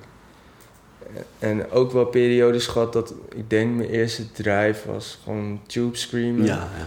En toen ook hele periodes dat ik die dan had, maar dat ik ook dan dacht van nee, voor dit hoeft dat niet. Ja. Maar later kwam ik wel in een periode van solo, dus dan trap je dat ding in. Ja. Vaak ook wel om een logische reden, maar het hoefde niet altijd. Nee. Dan moet ik wel eerlijk zeggen dat het bij mij meestal ook met levels te maken had. Ja, dat je gewoon even har- harder wil zijn. Ja, Ja. En, en, en net even die extra range hebt. Ja. Dat als je rustig begint of Ja. wat dan ook. Ja, Want dat heb ik ook wel vaak gehad. Op een gegeven moment kom je dan in een clima- climax met die band. ja, En dan begin jij gewoon langzaam weg te ebben. Ja. Gewoon in de Ja. mix, weet Ja. je wel. ja. En dan sta je echt te ploeteren. Maar dan, dan gaat het nergens meer Ja, over. precies. Dan, dan wil je eigenlijk ergens nog iets hebben dat je ook even mee kan in dat dynamische Ja, ja, ja. verschil of zo. Terwijl je dan al helemaal volle bak open staat met alles wat je hebt. Dat, dat alles op je pedalboard aanstaat. zeg. Maar net wat jij ook zei over open tunings, dat je dat een beetje een soort van eng, onbekend terrein. Mm. Had ik dat ook op een gegeven moment wel ook met effecten op een bepaalde hoogte. Van, Mm. Weet je wat, dat dan mensen dan zeggen van... Oh, maar dan moet je gewoon deze en deze booster. En dan zou je dat gewoon zo en zo moeten aansluiten. En dan kan je dat en dat. Ja. En dan doe ik dat één keer en dan sta je op die kick. Gaat het nog veel slechter als wat je daarvoor aan het proberen was. Mm, mm, mm. En dan ben ik al best wel snel van... Oh, Ja, Laat maar zitten. Ja. ja, dan doen we het wel anders. Ja. Ook soort van wel, je maakt dan soms ook rare compromissen van. Als je er dan niet bovenuit komt, dan trap je maar gewoon alles aan wat er aan kan. of wat zo. heel... Ja, ja, ik... Ja. En, en dat, ja, dat, dan klinkt het ook niet meer. Nee. nee, man. Ik heb echt wel soms gewoon met een sound dan in zo'n climax gezeten dat ik echt dacht van... Maar je hoort geen eens noten meer, weet je wel. Het klinkt misschien wel bruut of zo, maar... ja, Mooi. dus, dus daarom denk ik nu van gewoon eh, niet te veel fratsen, gewoon recht toe, recht aan. Maar het is ook wel een ding van, dan, van dat nieuwe ding wat ik nu aan het doen ben, dat, ehm, dat ik veel bezig ben met schrijven en ook dat, weet je wel, iedereen zingt en ik, sommige liedjes die ik dan maak, ga ik ook zelf zingen. Vet. En ben, je bent ook bezig met backings. En het is toch ook wel een soort van muziek die vaak ook gewoon best wel leeg, dat er veel Mm. leegte is. Dus ik ben in die band ook niet meer echt de gitarist. Nee. We hebben sowieso twee gitaristen. Ja. En ja, dat is heel interessant om nu een andere rol te hebben. Ik, ik vind het ook gewoon super leuk om gewoon af en toe alleen maar een paar akkoordjes te leggen. En Ja. ook dan nu soms wel gewoon met dan net een beetje zo'n fuzz. Dat ik dat dan neerleg en bezig ben met die koordjes. En dan Ja. een paar plekken heb je dan een soort van lijntjes. Ja. We doen ook best wel veel soort van tweestemmige dingen, zo nu en dan. Niet soort van De Tin Lizzy. Tin Lizzy, gitaarsolo's, maar meer ook gewoon soort van interludes kort even dat je opeens Vet. iets hoort, zeg Ja. maar. Meer een beetje uit de geest van Le- wat Les Paul deed. Hmm, ja, vet. eh, Ja. ja, en ook... ehm, ja, in, die- in, in country hoor je dat ook heel veel, zeg maar. Dan hadden ze gewoon twee Ja, sikke gitaristen Ja. op de sessie. En ja die, die, dan die, gewoon... die dan zo- zo'n thema doen. eh, Precies, eh, ja. Samen in dat, dat, vanuit, die, eh, vanuit dat gedachtegoed Ja, zijn we daar een beetje mee bezig. Vet. En het hoeft dus ook niet altijd een soort van... Want in die muziek is het heel vaak een soort van blij, weet je wel? Ja. Van die blije thema's. Maar dat hoeft het natuurlijk ook Nee, helemaal niet te zijn. nee. Het kan best wel Kan ook mooi of een soort stemmig. Ja. Dus ehm, ja, mijn rol dan daar is heel anders. Dus het is ook gitaartechnisch gezien iets simpeler. Hoewel we daar ook wel weer juist grenzen in zouden moeten opzoeken, omdat we allebei wel gewoon goed kunnen spelen. Dus dan zou het zou de muziek ook wel ten goede komen als wij daarin gaan, eh, hoe zeg je dat? Eh, ja, gewoon het, het beste Dat dat er ook uitkomt. Ja, Ja. Hmm. maar vooralsnog zijn we gewoon veel meer gericht op die songs en op hoe het klinkt. Hmm. En eh, ja, wat ik zei, wij spelen dan allebei... Vanuit onszelf spelen we best wel hetzelfde. Ja. Dus het is dan heel interessant hoe je dat dan nog gaat invullen. Want dan vaak denk ik al van... Hij gaat sowieso dat of dat doen. Ja. En dan ga ik daar dus weer omheen. Maar het Ja. kan natuurlijk zijn dat hij ook precies hetzelfde Oh, doet. ja. Dus dan... Ja, het wordt een soort spel, weet je wel. En ehm, Cool man, dat is wel echt, dat is, dat inspireert enorm denk ik. ja... Vet man. Ja, en ik denk... Ik heb dus met Jelt op een podium gestaan. Met dus dan twee gitaren. En bij Rilan speelde ik met eh, Tim Ouwekerk. Ook met twee gitaren. En ik heb dat nog wel vaker gedaan. En wel altijd situaties dat het niet echt een strijd was of zo. Dat is wel, wel echt fijn, weet je wel. Ja. Er is altijd wel gezonde concurrentie of zo. ja, dat is mooi. Dat is er wel altijd. Mooi. Dat, is, dat vind ik ook wel leuk nu in deze band. Van, ja, ik probeer er toch wel altijd in te gaan van ja, dit is het enige moment, weet je. Dit is, ik probeer gewoon altijd mijn allerbest, weet je. Niet Tuurlijk. dat ik geforceerd iets, maar dat is wel mijn instelling. Dus als er dan gewoon, als we een nummer spelen, dan trap ik hem gewoon op, op zijn staart. En begint hij ook gewoon, weet je wel. Je, het is een beetje duwen en trekken. En Ja. dat is natuurlijk heel...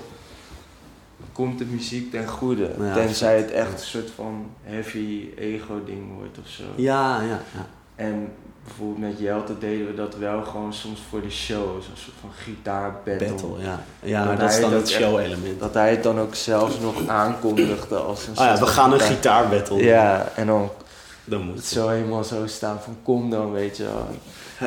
Maar, ja, ja, precies. Maar dat, dat, ja, ik weet het niet. Dat was nooit echt.